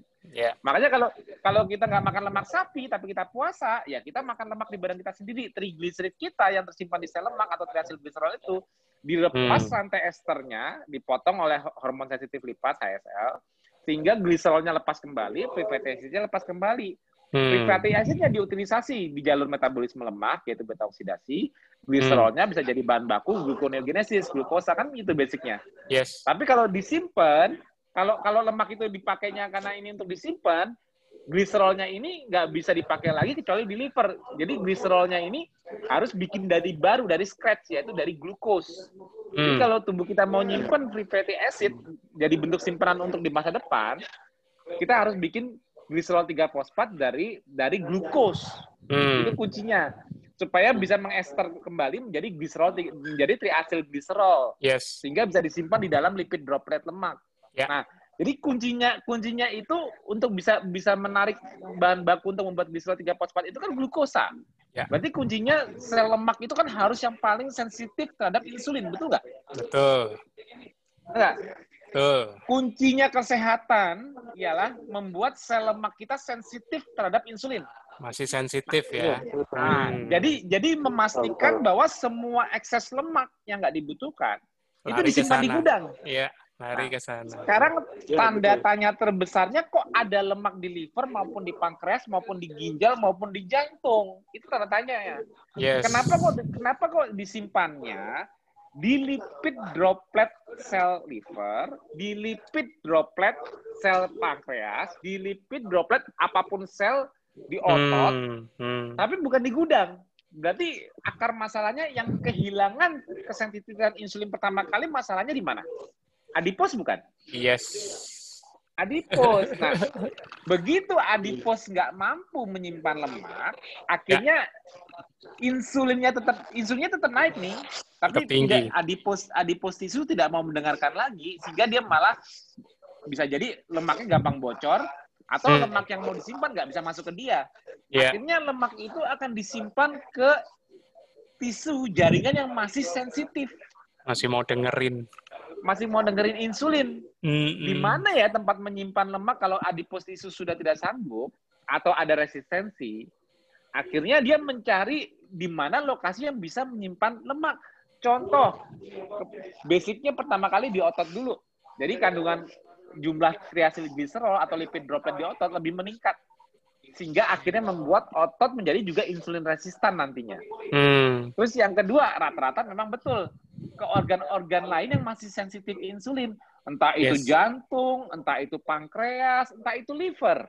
Hmm. Jadi kita nggak jadi jadi intinya gini, lipotoxicity atau keracunan lemak hmm. itu ialah masalah insulin masalah resistansi insulin di mana akumulasinya terjadi kalau bukan gini kalau orang gemuk tapi viscer tapi orang gemuk tapi organ-organnya bersih dari lemak lipid dropletnya tidak penuh artinya dia masih mampu menyimpan lemak di sel lemaknya. Pada eh. saat sel lemak sudah tidak mampu menyimpan lemak dan muncul insulin resistan di situlah kita nggak bisa milih. Ya ya kalau ketemunya di pankreas kalau ketemunya di jantung. Hmm. kalau ketemunya di ginjal gimana? Kalau ketemunya di liver gimana? Karena hmm karena di mana yang mendengarkan insulin di duluan, dia menjadi korbannya menerima simpanan ekses lemaknya. Ya. Itu rahasianya. Jadi jadi problem nggak usah nggak usah worry mau itu adanya perlemakan di pankreas kayak perlemakan di jantung kayak di liver kayak pokoknya kalau organ yang tidak ditakdirkan untuk sebagai penyimpan lemak tapi malah menyimpan lemak berlebihan di situ berarti kita langsung melirik ke bagian gudangnya kenapa ini nggak di gudang di tempat lo malah di tempat dia Kenapa? Baru nanti gudangnya jujur. Ya, karena saya udah kepenuhan. Karena saya eh, lipid, lipid atau atau kunci udah... gudangnya Mas Tio. Kunci nah, gudangnya ya, nggak ya, pas lagi. Itu, itu kan insulinnya iya, nggak ya, sensitif insulin. untuk membawa ya. membawanya ke dalam sel. Ya, insulinnya yes. sensitif lagi nah, membawa nah, itu ke dalam akar, sel. Akar akar masanya. Kok kok bisa kunci gudangnya ini nggak bisa lagi masuk uh. buka pintu gudang? Kenapa? Karena apa? Lipid droplet kalau terus diisi terus menerus membesar terus, akhirnya apa? Jadi kalau jadi basic basic sel itu semua sama. Basic mitochondriated sel itu semua sama. Jadi sel lemak itu termasuk sel yang memiliki mitokondria, yes. memiliki inti sel, DNA, yeah. Yeah. memiliki lipid droplet. Hanya jenis sel adipos itu ialah sel yang lebih lipid dedicated untuk hmm. menyimpan lipid dropletnya. Lipid dropletnya bisa bisa expand. Besar. Kalau kalau sel liver juga punya DNA, juga punya mitokondria, tapi hmm. lipid dropletnya tidak didedikasikan untuk bisa expand. Yeah. Tapi kalau gudang sebagai sel lemak ini dengan struktur yang sama, organel yang sama, tapi memiliki kemampuan lipid drop menyimpan lipid droplet yang lebih besar ini, expandnya itu bersifat hipertrofi, artinya hmm. membesar terus, akhirnya lokasi efeknya ke dalam sel itu apa? Hmm. muncul yang disebut namanya hipoksia, penurunan kadar oksigen di dalam sel. Betul. Kalau hipoksia udah terjadi, sel tersebut itu akan mengalami penurunan kesensitifan dari respon insulin. insulin. Itulah yeah. penyebab namanya kuncinya, kunci insulinnya itu jadi bermasalah hmm. insulin susahnya. Kenapa? Karena hipertrofi yang terjadi tadi. Ada hmm. orang yang, nih, tapi ada beda-beda. Jadi respon adiposit itu beda-beda.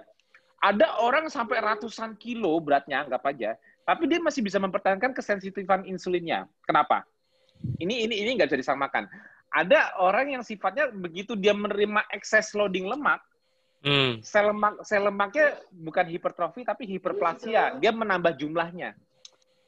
Kalau hmm. kalau kalau dia uh. kalau dia expand sel lemak itu dengan cara menambah jumlah, masih bisa masih bisa proliferate, itu mencegah terjadinya hipoksia per sel. Yeah, nah itu dia masih bisa mempertahankan insulin sensitivitas. Tapi kalau kalau sel lemaknya membesar, yeah. besar satu tapi memaksa membesar karena yeah. dia tidak pernah mengalami duplikasi, yeah. itu yang menyebabkan dia cepat mengalami insulin resistan. Ya, hipoksia nah, itu tadi. Jadi ya. eh, kadang-kadang kita nemuin kasus di mana orang yang gendut, tapi dia HbA1c normal, apa normal, ya karena dia punya uh, secara secara genetiknya dia mampu expand sel lemaknya. Memper, memperbanyak sel adiposnya, betul. Ya, ada yang ada yang gendutnya baru yang yang nggak sampai 100 kilo gemuk tapi baru sampai 90-an. Tapi dia udah udah cepat muncul diabetes. Kenapa? Hmm. Karena dia ketidakmampuan untuk expand lebih lanjutnya lebih kelihatan, lebih yeah. lebih cepat muncul insulin resistannya. Hmm. Jadi nggak nggak nggak ada target aturan oh harus di atas 100 kilo baru insulin resistan. Nggak juga. Ada orang yang ke kemampuan menyimpan lemaknya tidak bisa banyak, akhirnya dia dengan berat yang tidak banyak itu dia langsung udah muncul insulin resistan. Akhirnya udah udah cepat hmm. terjadi lipotoxicity di mana karena dia belum sampai belum bisa terlalu lebar badannya tapi dia udah insulin resistan gudangnya akhirnya menyerahkan penyimpanannya di organ-organ yang insulin sensitif. Contohnya apa? Dia udah terlanjur keburu punya jantung, keburu, keburu punya fatty pankreas, punya fatty liver, malah terjadi lipotoxicity. Nah, itu itu basicnya. Hmm, oke. Okay. Ya, tadi soalnya uh, pertanyaan tadi dipikirnya urutan, Mas. Jadi hmm. dipikirnya fatty itu urutannya di liver enggak, dulu. Enggak, uh, enggak. Tapi tapi ya lihat uh, selnya mana, insulin. Uh, sel mana yang masih sensitif ya. Sel mana yang bisa uh, masih mendengarkan glukosa, sel mana yang masih bisa bisa menarik glukosa, akhirnya mampu membuat gliserol 3 fosfat sebagai uh, alat untuk mengesterifikasi lemak yang ada di darah tadi itu. Jadi jadi kan tubuh itu kan pengen get rid lemak yang tidak diperlukan darah dengan cara menyimpannya di, di somewhere asal bukan retensi di darah. Tapi kalau retensi retensinya itu sudah tidak bisa dihindari lagi, akhirnya ya benar-benar retensi di darah ya udah di aja dalam bentuk triasil gliserolnya di darah otomatis triglyceridnya tinggi. Hmm. Nah, itu udah hmm. udah reten, udah menunjukkan jelas insulin resistan karena triglyceridnya sifatnya malah mobile di mana triglycerid itu tidak boleh mobile. Kalau yeah. triglycerid itu normalnya dominan di dalam sel lemak bukan di luar di darah di LDL. Di LDL tidak boleh tinggi, di darah nggak boleh tinggi triglycerid karena itu bahan bakar. Artinya kalau triglycerid tinggi di darah, artinya ada retensi bahan bakar. Kenapa nggak dipakai lemaknya? Kenapa dibiarin dalam yes. bentuk ikatan ester terus? Ya. Sama seperti glukosa. Jadi gini, yang menunjukkan seseorang mengalami insulin resistan itu ialah kalau ada retensi bahan bakar. Ya. Hmm, penahanan bahan bakar ya. itu bahan bahan bakar bahan bakar di tubuh kita apa sih? Glukosa. Hmm, hmm. Terus free fatty acid. Hmm, free fatty ya, acid. Ya. Hmm. Nah, oke okay, kan? Kalau trigliserid kan menunjukkan bentuk penyimpanan, ya, kan menunjukkan betul. bahan bakar. Nah, hmm. jadi lucunya, lucunya kalau terjadi retensi dua hal ini, retensi glukosa maupun retensi trigliserid di darah, itu menunjukkan bahwa ada bahan bakar yang tidak dipakai sehingga ya. terjadi retensinya, antrian di darah. Entah hmm. itu tidak disimpan maupun tidak dibakar. Kan kalau ada retensi trigliserid di darah, retensi gula darah, gula darah di darah, otomatis kan ini kan nggak normal. Harusnya kan mereka posisinya gula ini disimpan dalam bentuk gliserol 3 fosfat, ikatan di lemak, atau dirubah lipogenesis gulanya menjadi lemak, terus disimpan. Intinya nggak ada darah aja. Jadi, somewhere in the pathway, itu ada yang memicu terjadinya ini malah retensi di darah. Ini masalahnya. Ini baru metabolic issue. Problem. Jadi kalau kita melihat problem seorang ini orang udah punya sindrom metabolik apa enggak? Kenapa kita langsung liriknya ialah apa? gula darah dan trigliserid lipid profilnya. Kalau kolesterol, hmm. kalau kolesterol itu bahan baku. Itu bukan bukan, bahan bukan baku, masalah. Ya. Nah, hmm. kalau kolesterol kolesterol itu kan digunakan untuk membentuk lipid raft membran sel ataupun hormon-hormon. Jadi retensi kolesterol di darah tidak mewakili sindrom metabolik.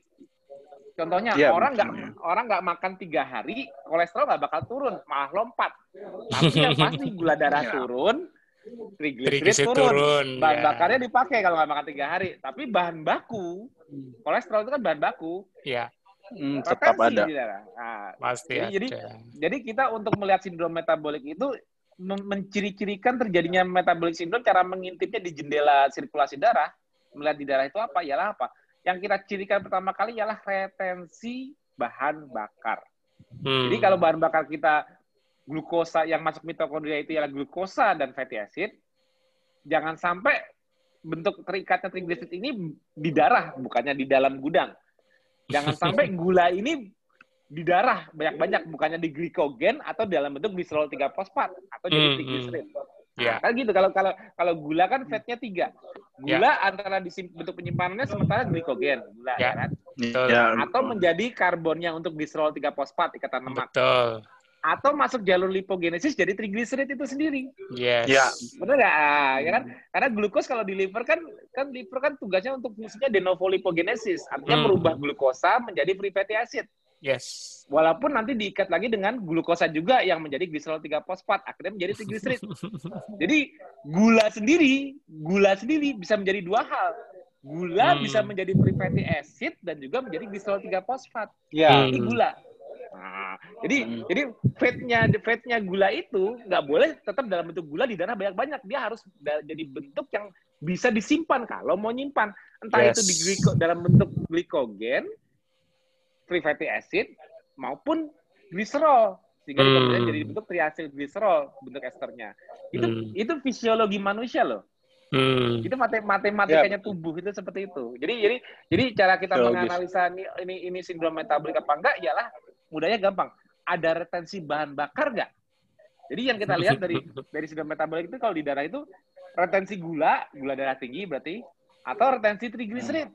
Nah, Yeah. Karena impact impactnya hmm. dua hal ini mewakili anomali selanjutnya. Contohnya lipotoxicity, perlemakannya bisa di pankreas. Jadi kalau kalau udah ada retensi di gula, retensi di triglycerid, baru kita hmm. cari kemungkinan ada nggak akumulasi. Karena karena retensi gula dan retensi triglycerid ini menunjukkan insulin resistan.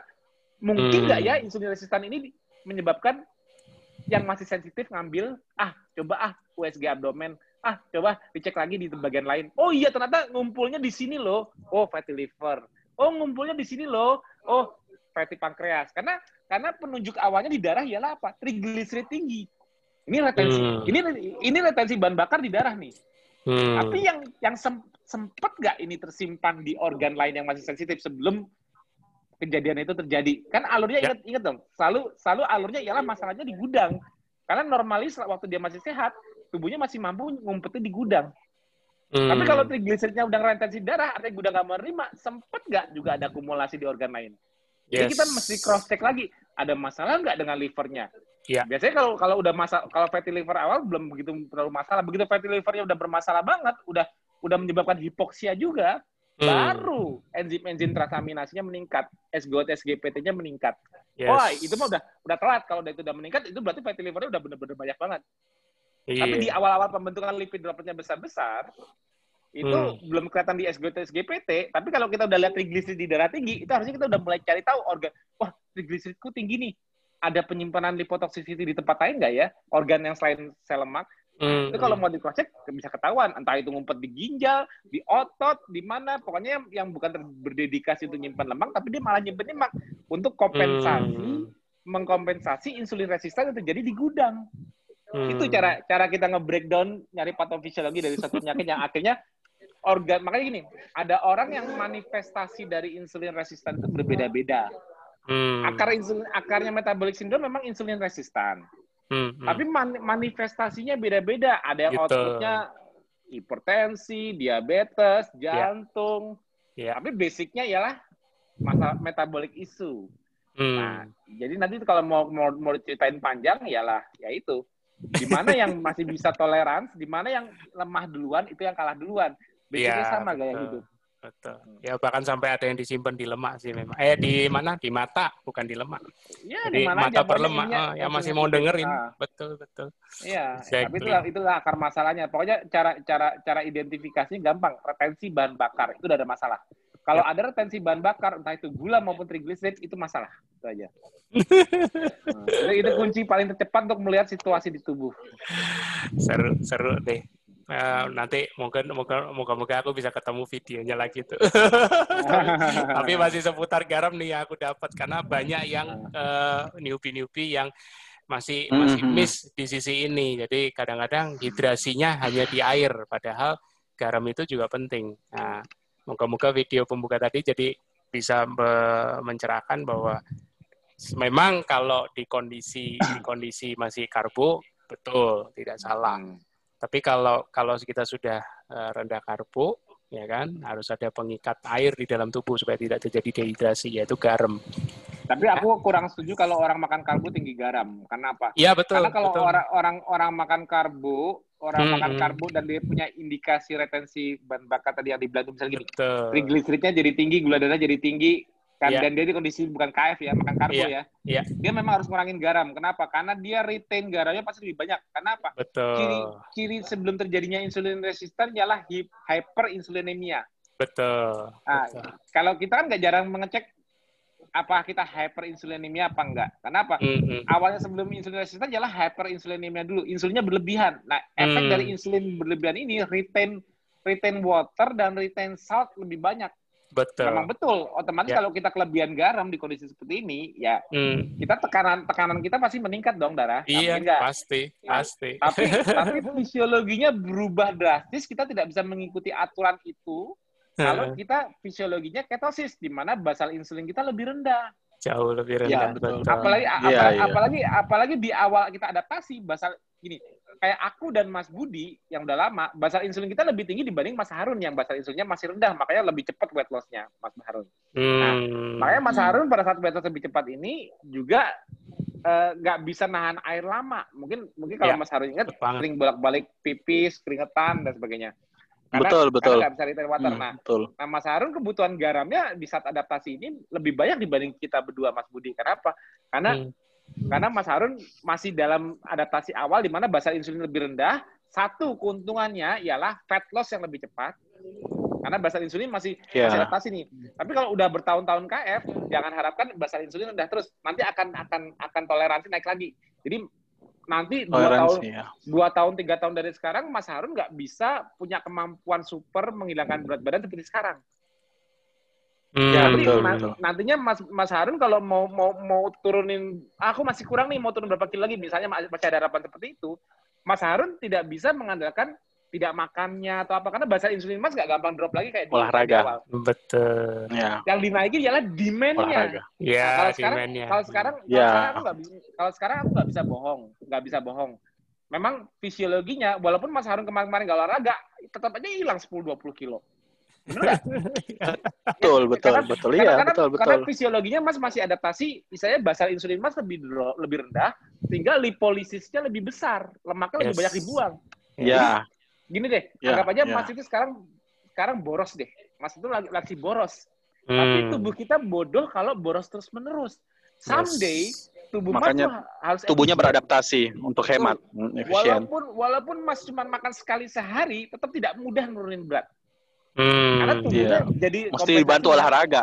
Ya, efisien. Akhirnya ujung-ujungnya harus ada demand untuk kalau kita mau mengikis lemak lebih banyak itu rahasianya. Jadi jadi Hmm. kita nggak bisa nggak bisa selamanya kayak newbie terus fase fase Iya. santai gitu. Ah, Yang penting gue cuma makan lemak protein apa apa nggak usah itu. Ini percaya nggak? Percaya nggak? Sekarang pakai puasa turunnya lebih drastis. Tapi aku jamin waktu cuma keto-ketoan doang yang yang maksudnya masih masih nggak ada puasanya misalnya tetap turun nggak? Tetap turun. Iya, turun. Bener kan? Karena, karena karena kondisi dari makan karbo ke tidak makan karbo itu pas makan karbo itu tidak efisien. Nggak makan Iya. karbo tanpa puasanya aja itu udah udah membuat tuntutan keefisienan. Makanya lemaknya tetap hilang. Tambahin puasa, Hmm. tambah lemak lagi. Tapi in the end nggak bisa seperti itu. Ya, Karena- bisa Iya, terus-terusan. Makanya itu disebut namanya keto adapted, ada keto adaptation, artinya adaptasi terhadap ketosis. Hmm. Artinya apa? Artinya kita kita uh, uh, basal insulin kita harus kembali tidak normal, tidak normal seperti normalnya sekarang orang-orang makan karbo, Ya. tapi slightly higher than usual. Jadi dunia rendah banget, lipolisis itu gampang. Nanti lipolisis tahan kenapa? Karena lemak itu akhirnya tubuh harus mempertahankan kenapa? Karena itu basic survival kita. Tubuh Iya. kita bodoh kalau buang-buang lemak. Karena basicnya tuh kita punya punya gudang, punya simpanan. Ialah apa? Karena manusia didesain untuk tidak terlalu makan. Nah, jadi Ya. kalau manusia tidak bisa tidak bisa mempertahankan lemak sebagai simpenannya, survivalnya dia turun di muka bumi. Betul. Nah, makanya tujuan adaptasi ketosis ialah apa? Mengembalikan lagi nantinya kemampuan untuk mempertahankan lemak supaya nggak di nggak di wasting. Jadi yes. lemak sekarang nanti gue kasih, but Hmm. only only if there's a demand. Kalau ada ada ada, ada keperluan ya gue kasih, nggak ada keperluan ya segini aja. Yeah. Nah, makanya nanti nantinya nantinya Mas akan menemukan titik ya di dalam adaptasi Mas. Mas akan kalau sekarang kan Mas mungkin seger banget ya. Maksudnya eh, eh, Ya. karena dengan kayak badan enteng apa-apa. Tapi percaya deh, nanti someday Mas kalau nggak banyak gerak lemes. Ya, Malah pada setelah sakit. itu. Kapan? Nah, karena kan kalau kalau sekarang kan basal insulin lebih rendah, Ya. Iya. lipolisisnya itu kan gede. Jadi Hmm. jadi di darah Mas ini di darah Mas sekarang itu banyak lemak yang tinggal, tinggal gampang tubuh kita pakai untuk tenaga. Tapi Hmm. nantinya nantinya lemak yang di darah ini, yang free fatty acid yang aku ngomong bukan triglyceride, free fatty acid ini nggak bakal banyak di darah karena apa? Kalau Mas nggak gerak ya dikeluarkan sesuai kebutuhan saat itu juga. Jadi mungkin Mas merasa kayak ada fatigue nanti suatu saat. Tapi kalau Mas udah bawa gerak, uh.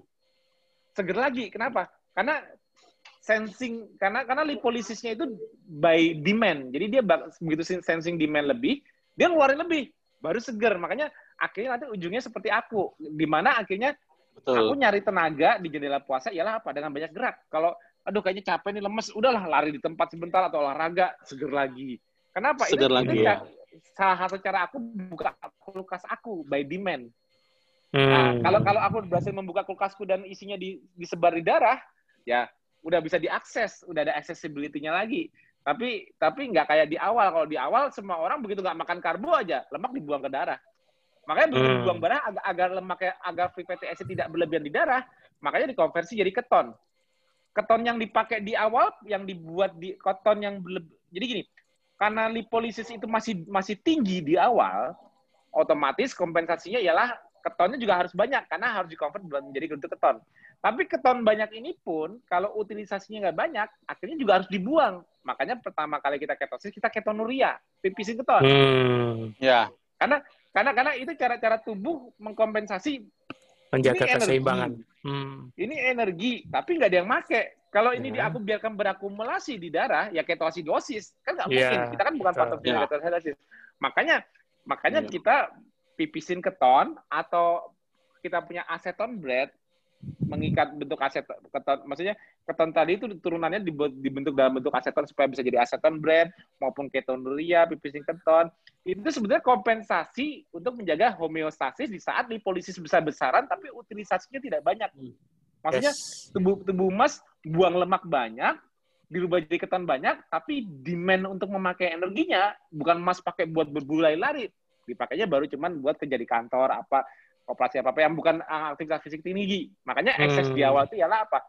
Semua dibuang dulu lewat urin. Tapi hmm. di atas 3-6 bulan, saat lipolisisnya tidak besar seperti di awal, lipolisisnya mulai turun karena basal insulinnya, karena basal insulin mulai naik, hmm. otomatis kebocoran di gudang itu mulai ditahan lagi hmm. oleh basal insulin yang lebih tinggi, otomatis hmm. di darah nggak banyak lagi, otomatis ketonnya turun. Iya. Yeah. Karena kan bahan baku keton kan lemak yang lemak lemak kan, free fatty acid kan, tapi yeah. begitu bahan bakunya berturun otomatis jumlah keton turun. Nah, yes. jumlah keton turun ini dilihat lagi utilisasinya ada nggak? Oh, ada utilisasinya. Berarti nggak ada spare nih, nggak ada yang perlu dibuang ya udah ketoneria hilang. Hmm. Nah, jadi makanya orang 36 bulan 36 bulan KF itu sudah tidak bisa ngetre ada trace keton di urinnya lagi karena eksesnya sudah yeah. tidak perlu lagi. Tapi di ya, darah tetap ada. Mau sampai 10 tahun KF ya tetap aja harus ada di darah. Karena bukti hmm. kita ketosis itu sekarang nantinya di darah, bukan di urin lagi, bukan di bukan di aseton bread lagi. Jadi kadang-kadang kalau ada peneliti-peneliti yang me, yang menggunakan ketonuria maupun aseton bread sebagai parameter ketosis, itu aku bilang salah. Kalau orang real ketosis yang sebenarnya, akhirnya hmm. ya contoh gini, kayak orang di Eskimo. Orang di Eskimo itu kalau kalau ada peneliti datang ke sana, cuman modal bawa urin strip, Oh, orange strip, sama ya, ya. nggak bakal ketemu. Untuk membuktikan mereka ketosis itu harus di darah, nggak bisa di Iya, yeah, nggak bisa di urin. Iya, karena aku sering baca tuh beberapa jurnal ada miss. Jadi dia membu pengen membuktikan bahwa orang-orang di Eskimo itu tidak ketosis. Jadi mereka membuktikan bahwa pulang-pulang mereka menunjukkan bahwa di rata-rata orang di Greenland nggak ada yang urinnya positif keton, keton. ada yang keton Karena ilmu yang mereka tangkap di grup-grup keto itu ngetesnya pakai itu, padahal itu cuma di awal. Ya iyalah, nggak mungkin ada. Nggak ngapain, ngapain mereka dari lahir nggak makan karbo, ngapain mereka masih mipisin keton? Nggak mungkin lah. Justru mereka kalau kalau by demand driven, jadi kalau mau, lihat lihat ketonnya itu ada apa enggak, jangan lihat ketonurianya, lihat hmm. ketonemianya. Ketonemia hmm. dilihatnya di darah. Ada keton hmm. ketonemia. Ketonemia itu artinya ada keton. Yeah. Bukan ketoasidosis itu terlalu banyak yeah. keton. Karena ketoasidosis kalau ketoasidosis itu kan terlalu banyak keton sehingga ya. menyebabkan yeah. asiditas. Itu yeah. kenapa? Kalau terlalu banyak keton, bahan baku keton apa? Free fatty acid. Hmm. Kalau kalau kebanyakan keton berarti kebanyakan free fatty acid bukan? Betul. Iya. Kalau kebanyakan free fatty acid, siapa yang nge ngebablasin banyak free fatty acid? Sel gudang, lemak Gudang. dibongkar semua. Iya. sel lemak kok bocor semua? Akarnya, akarnya kan dari dia. Kok bisa, kamu bisa bocorin semua ya? Kunci saya jebol bablas. Kenapa bisa Nah, bablas? iya, emang, emang emang nggak ada yang nahan. Ada, Hmm. harusnya insulin yang nahan saya supaya nggak lipolisis gede. Iya. Insulinnya ke mana? Insulinnya ke mana? Nggak tahu. Nggak ada yang kunci saya insulinnya. Iya. Nanya bang, pankreas, lu nggak kirim insulin? Enggak. Eh, apa? Gua rusak, gua nggak bisa produksi insulin. Oh, ini penyebab ketoasidosis. Itu akarnya. Iya. Jadi, jadi dalam kondisi status orang mengalami ketoasidosis, diurutin ke belakang. Ketonnya itu ketinggian sampai di atas 20 milimol, bahan bakunya apa? Free fatty acid. Berarti fatty acid ini bocor available dalam jumlah besar. Kok bisa available dalam jumlah besar? Oh, bocor dari gudang. Kok gudang bisa bocor sel lemak? Oh, tidak ada yang nahan insulin. Siapa yang nahan? kalau kalau insulnya ternyata benar nggak ada, berarti impact-nya, impact-nya bukan hanya ke gudang. Ke mana-mana. Insulin, insulin kan fungsinya menahan supaya lipolisis tidak berlebihan. Ya. Lipolisis, memecah lemak. Ya. Nah, tapi insulin itu juga berfungsi Bocor untuk halus, mencegah proteolisis. Ya. Berarti kalau insulin nggak ada, tidak ada yang menahan degradasi dari protein. Protein. Hancur juga Protein. ototnya. Betul. Kalau kalau proteinnya itu pada rus, pada hancur, otomatis availabilitas amino asid di darah meningkat nggak? Meningkat. Nah, kalau meningkat dan nggak ada kebutuhan, kira-kira dikonvert menjadi apa? Di liver. Ayo. Glu, Kos. gula, gluconeogenesis. Makanya accompany-nya, korelasinya terjadinya keton yang meningkat tanpa tanpa bat- tanpa tanpa bisa dihentikan juga disertai dengan peningkatan gula tanpa batas. Kenapa? Karena Iya. akarnya sa- sama dua-duanya. Insulin, Insulin. ins- gini gini, Remnya Membuat- hilang. membuat membuat tubuh kita ketoasidosis tidak perlu diet keto. Cukup apa? Makan nasi goreng, makan nasi goreng, makan apa pun, apa pun karbo supaya kamu anti ketosis. ya, anggap anggapnya kita makan gula banyak anti ketosis, tapi bilang saya nggak mungkin ketosis. Kenapa? Karena saya masih makan karbo nih, saya makan nasi. Tapi ambil pisau, belek, tarik pankreasnya keluar. Sehingga tidak bisa ada organ menghasilkan insulin. Langsung hitungan dalam beberapa hitungan detik, menit, kamu ketosidosis. Kenapa? Begitu insulin nggak ada di sistem, udah. Mau kamu tiga- 10 hari nggak makan, pankreasmu ditarik, ketosidosis juga. Kan Jadi gini, ketoasidosis itu cuman cuman karena satu hal tok insulin bukan karena apa-apa. Begitu insulin nggak ada, tidak ada yang menahan lipolisis, tidak ada yang menahan proteolisis. Amino asid berlebihan di darah, free fatty acid berlebihan di darah. Liver mengkompensasi dengan cara free fatty acidnya jadi keton, amino asidnya jadi glukos. Sama-sama tinggi. Akhirnya apa? Hiperglikemia, hiperketonemia. Itu baru ketoasidosis. Iya. Patofisiologi, patofisiologi yang sangat berbeda dengan fisiologi normal ketosis kita. Tosis. Yes. Yes. Ah, kalau kalau kalau nanti itu Mas kalau bisa jelasin kayak aku ke nakes, ke nakes teman sejajar baru mereka, oh ternyata itulah. Ya iya, Iya, emang apa lagi.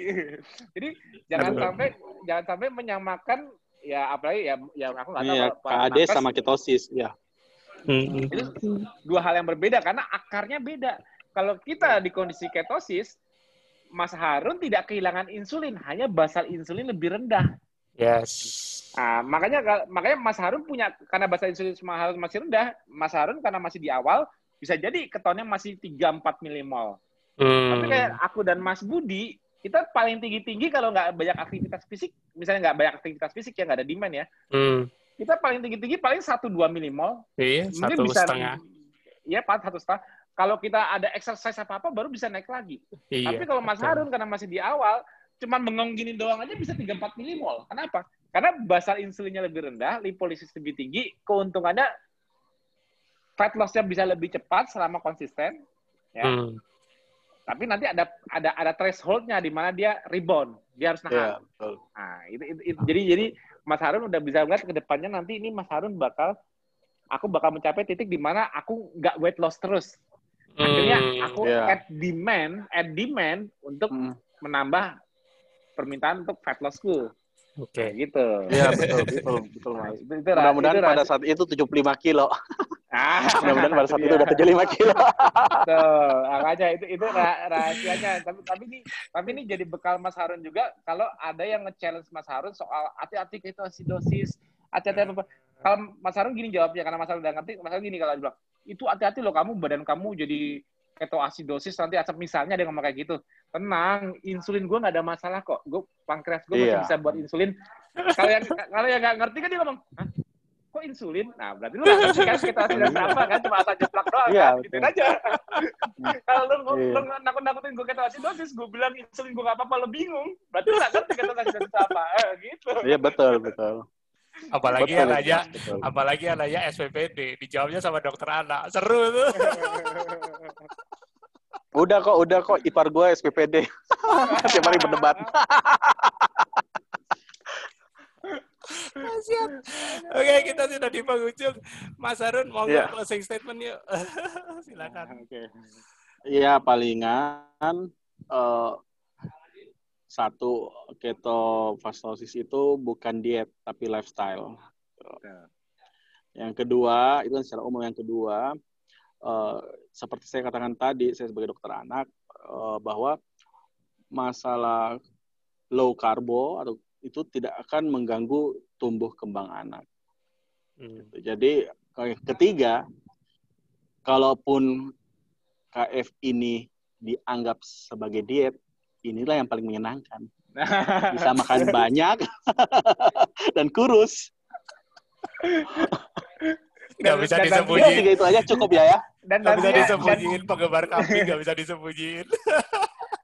dan dan nantinya dan nantinya kalau udah ketemu sama sama sama, sama chef-chef di KMI contohnya Mbak Endar dan sebagainya dan sebagainya nanti juga bisa ketemu bini muda KW.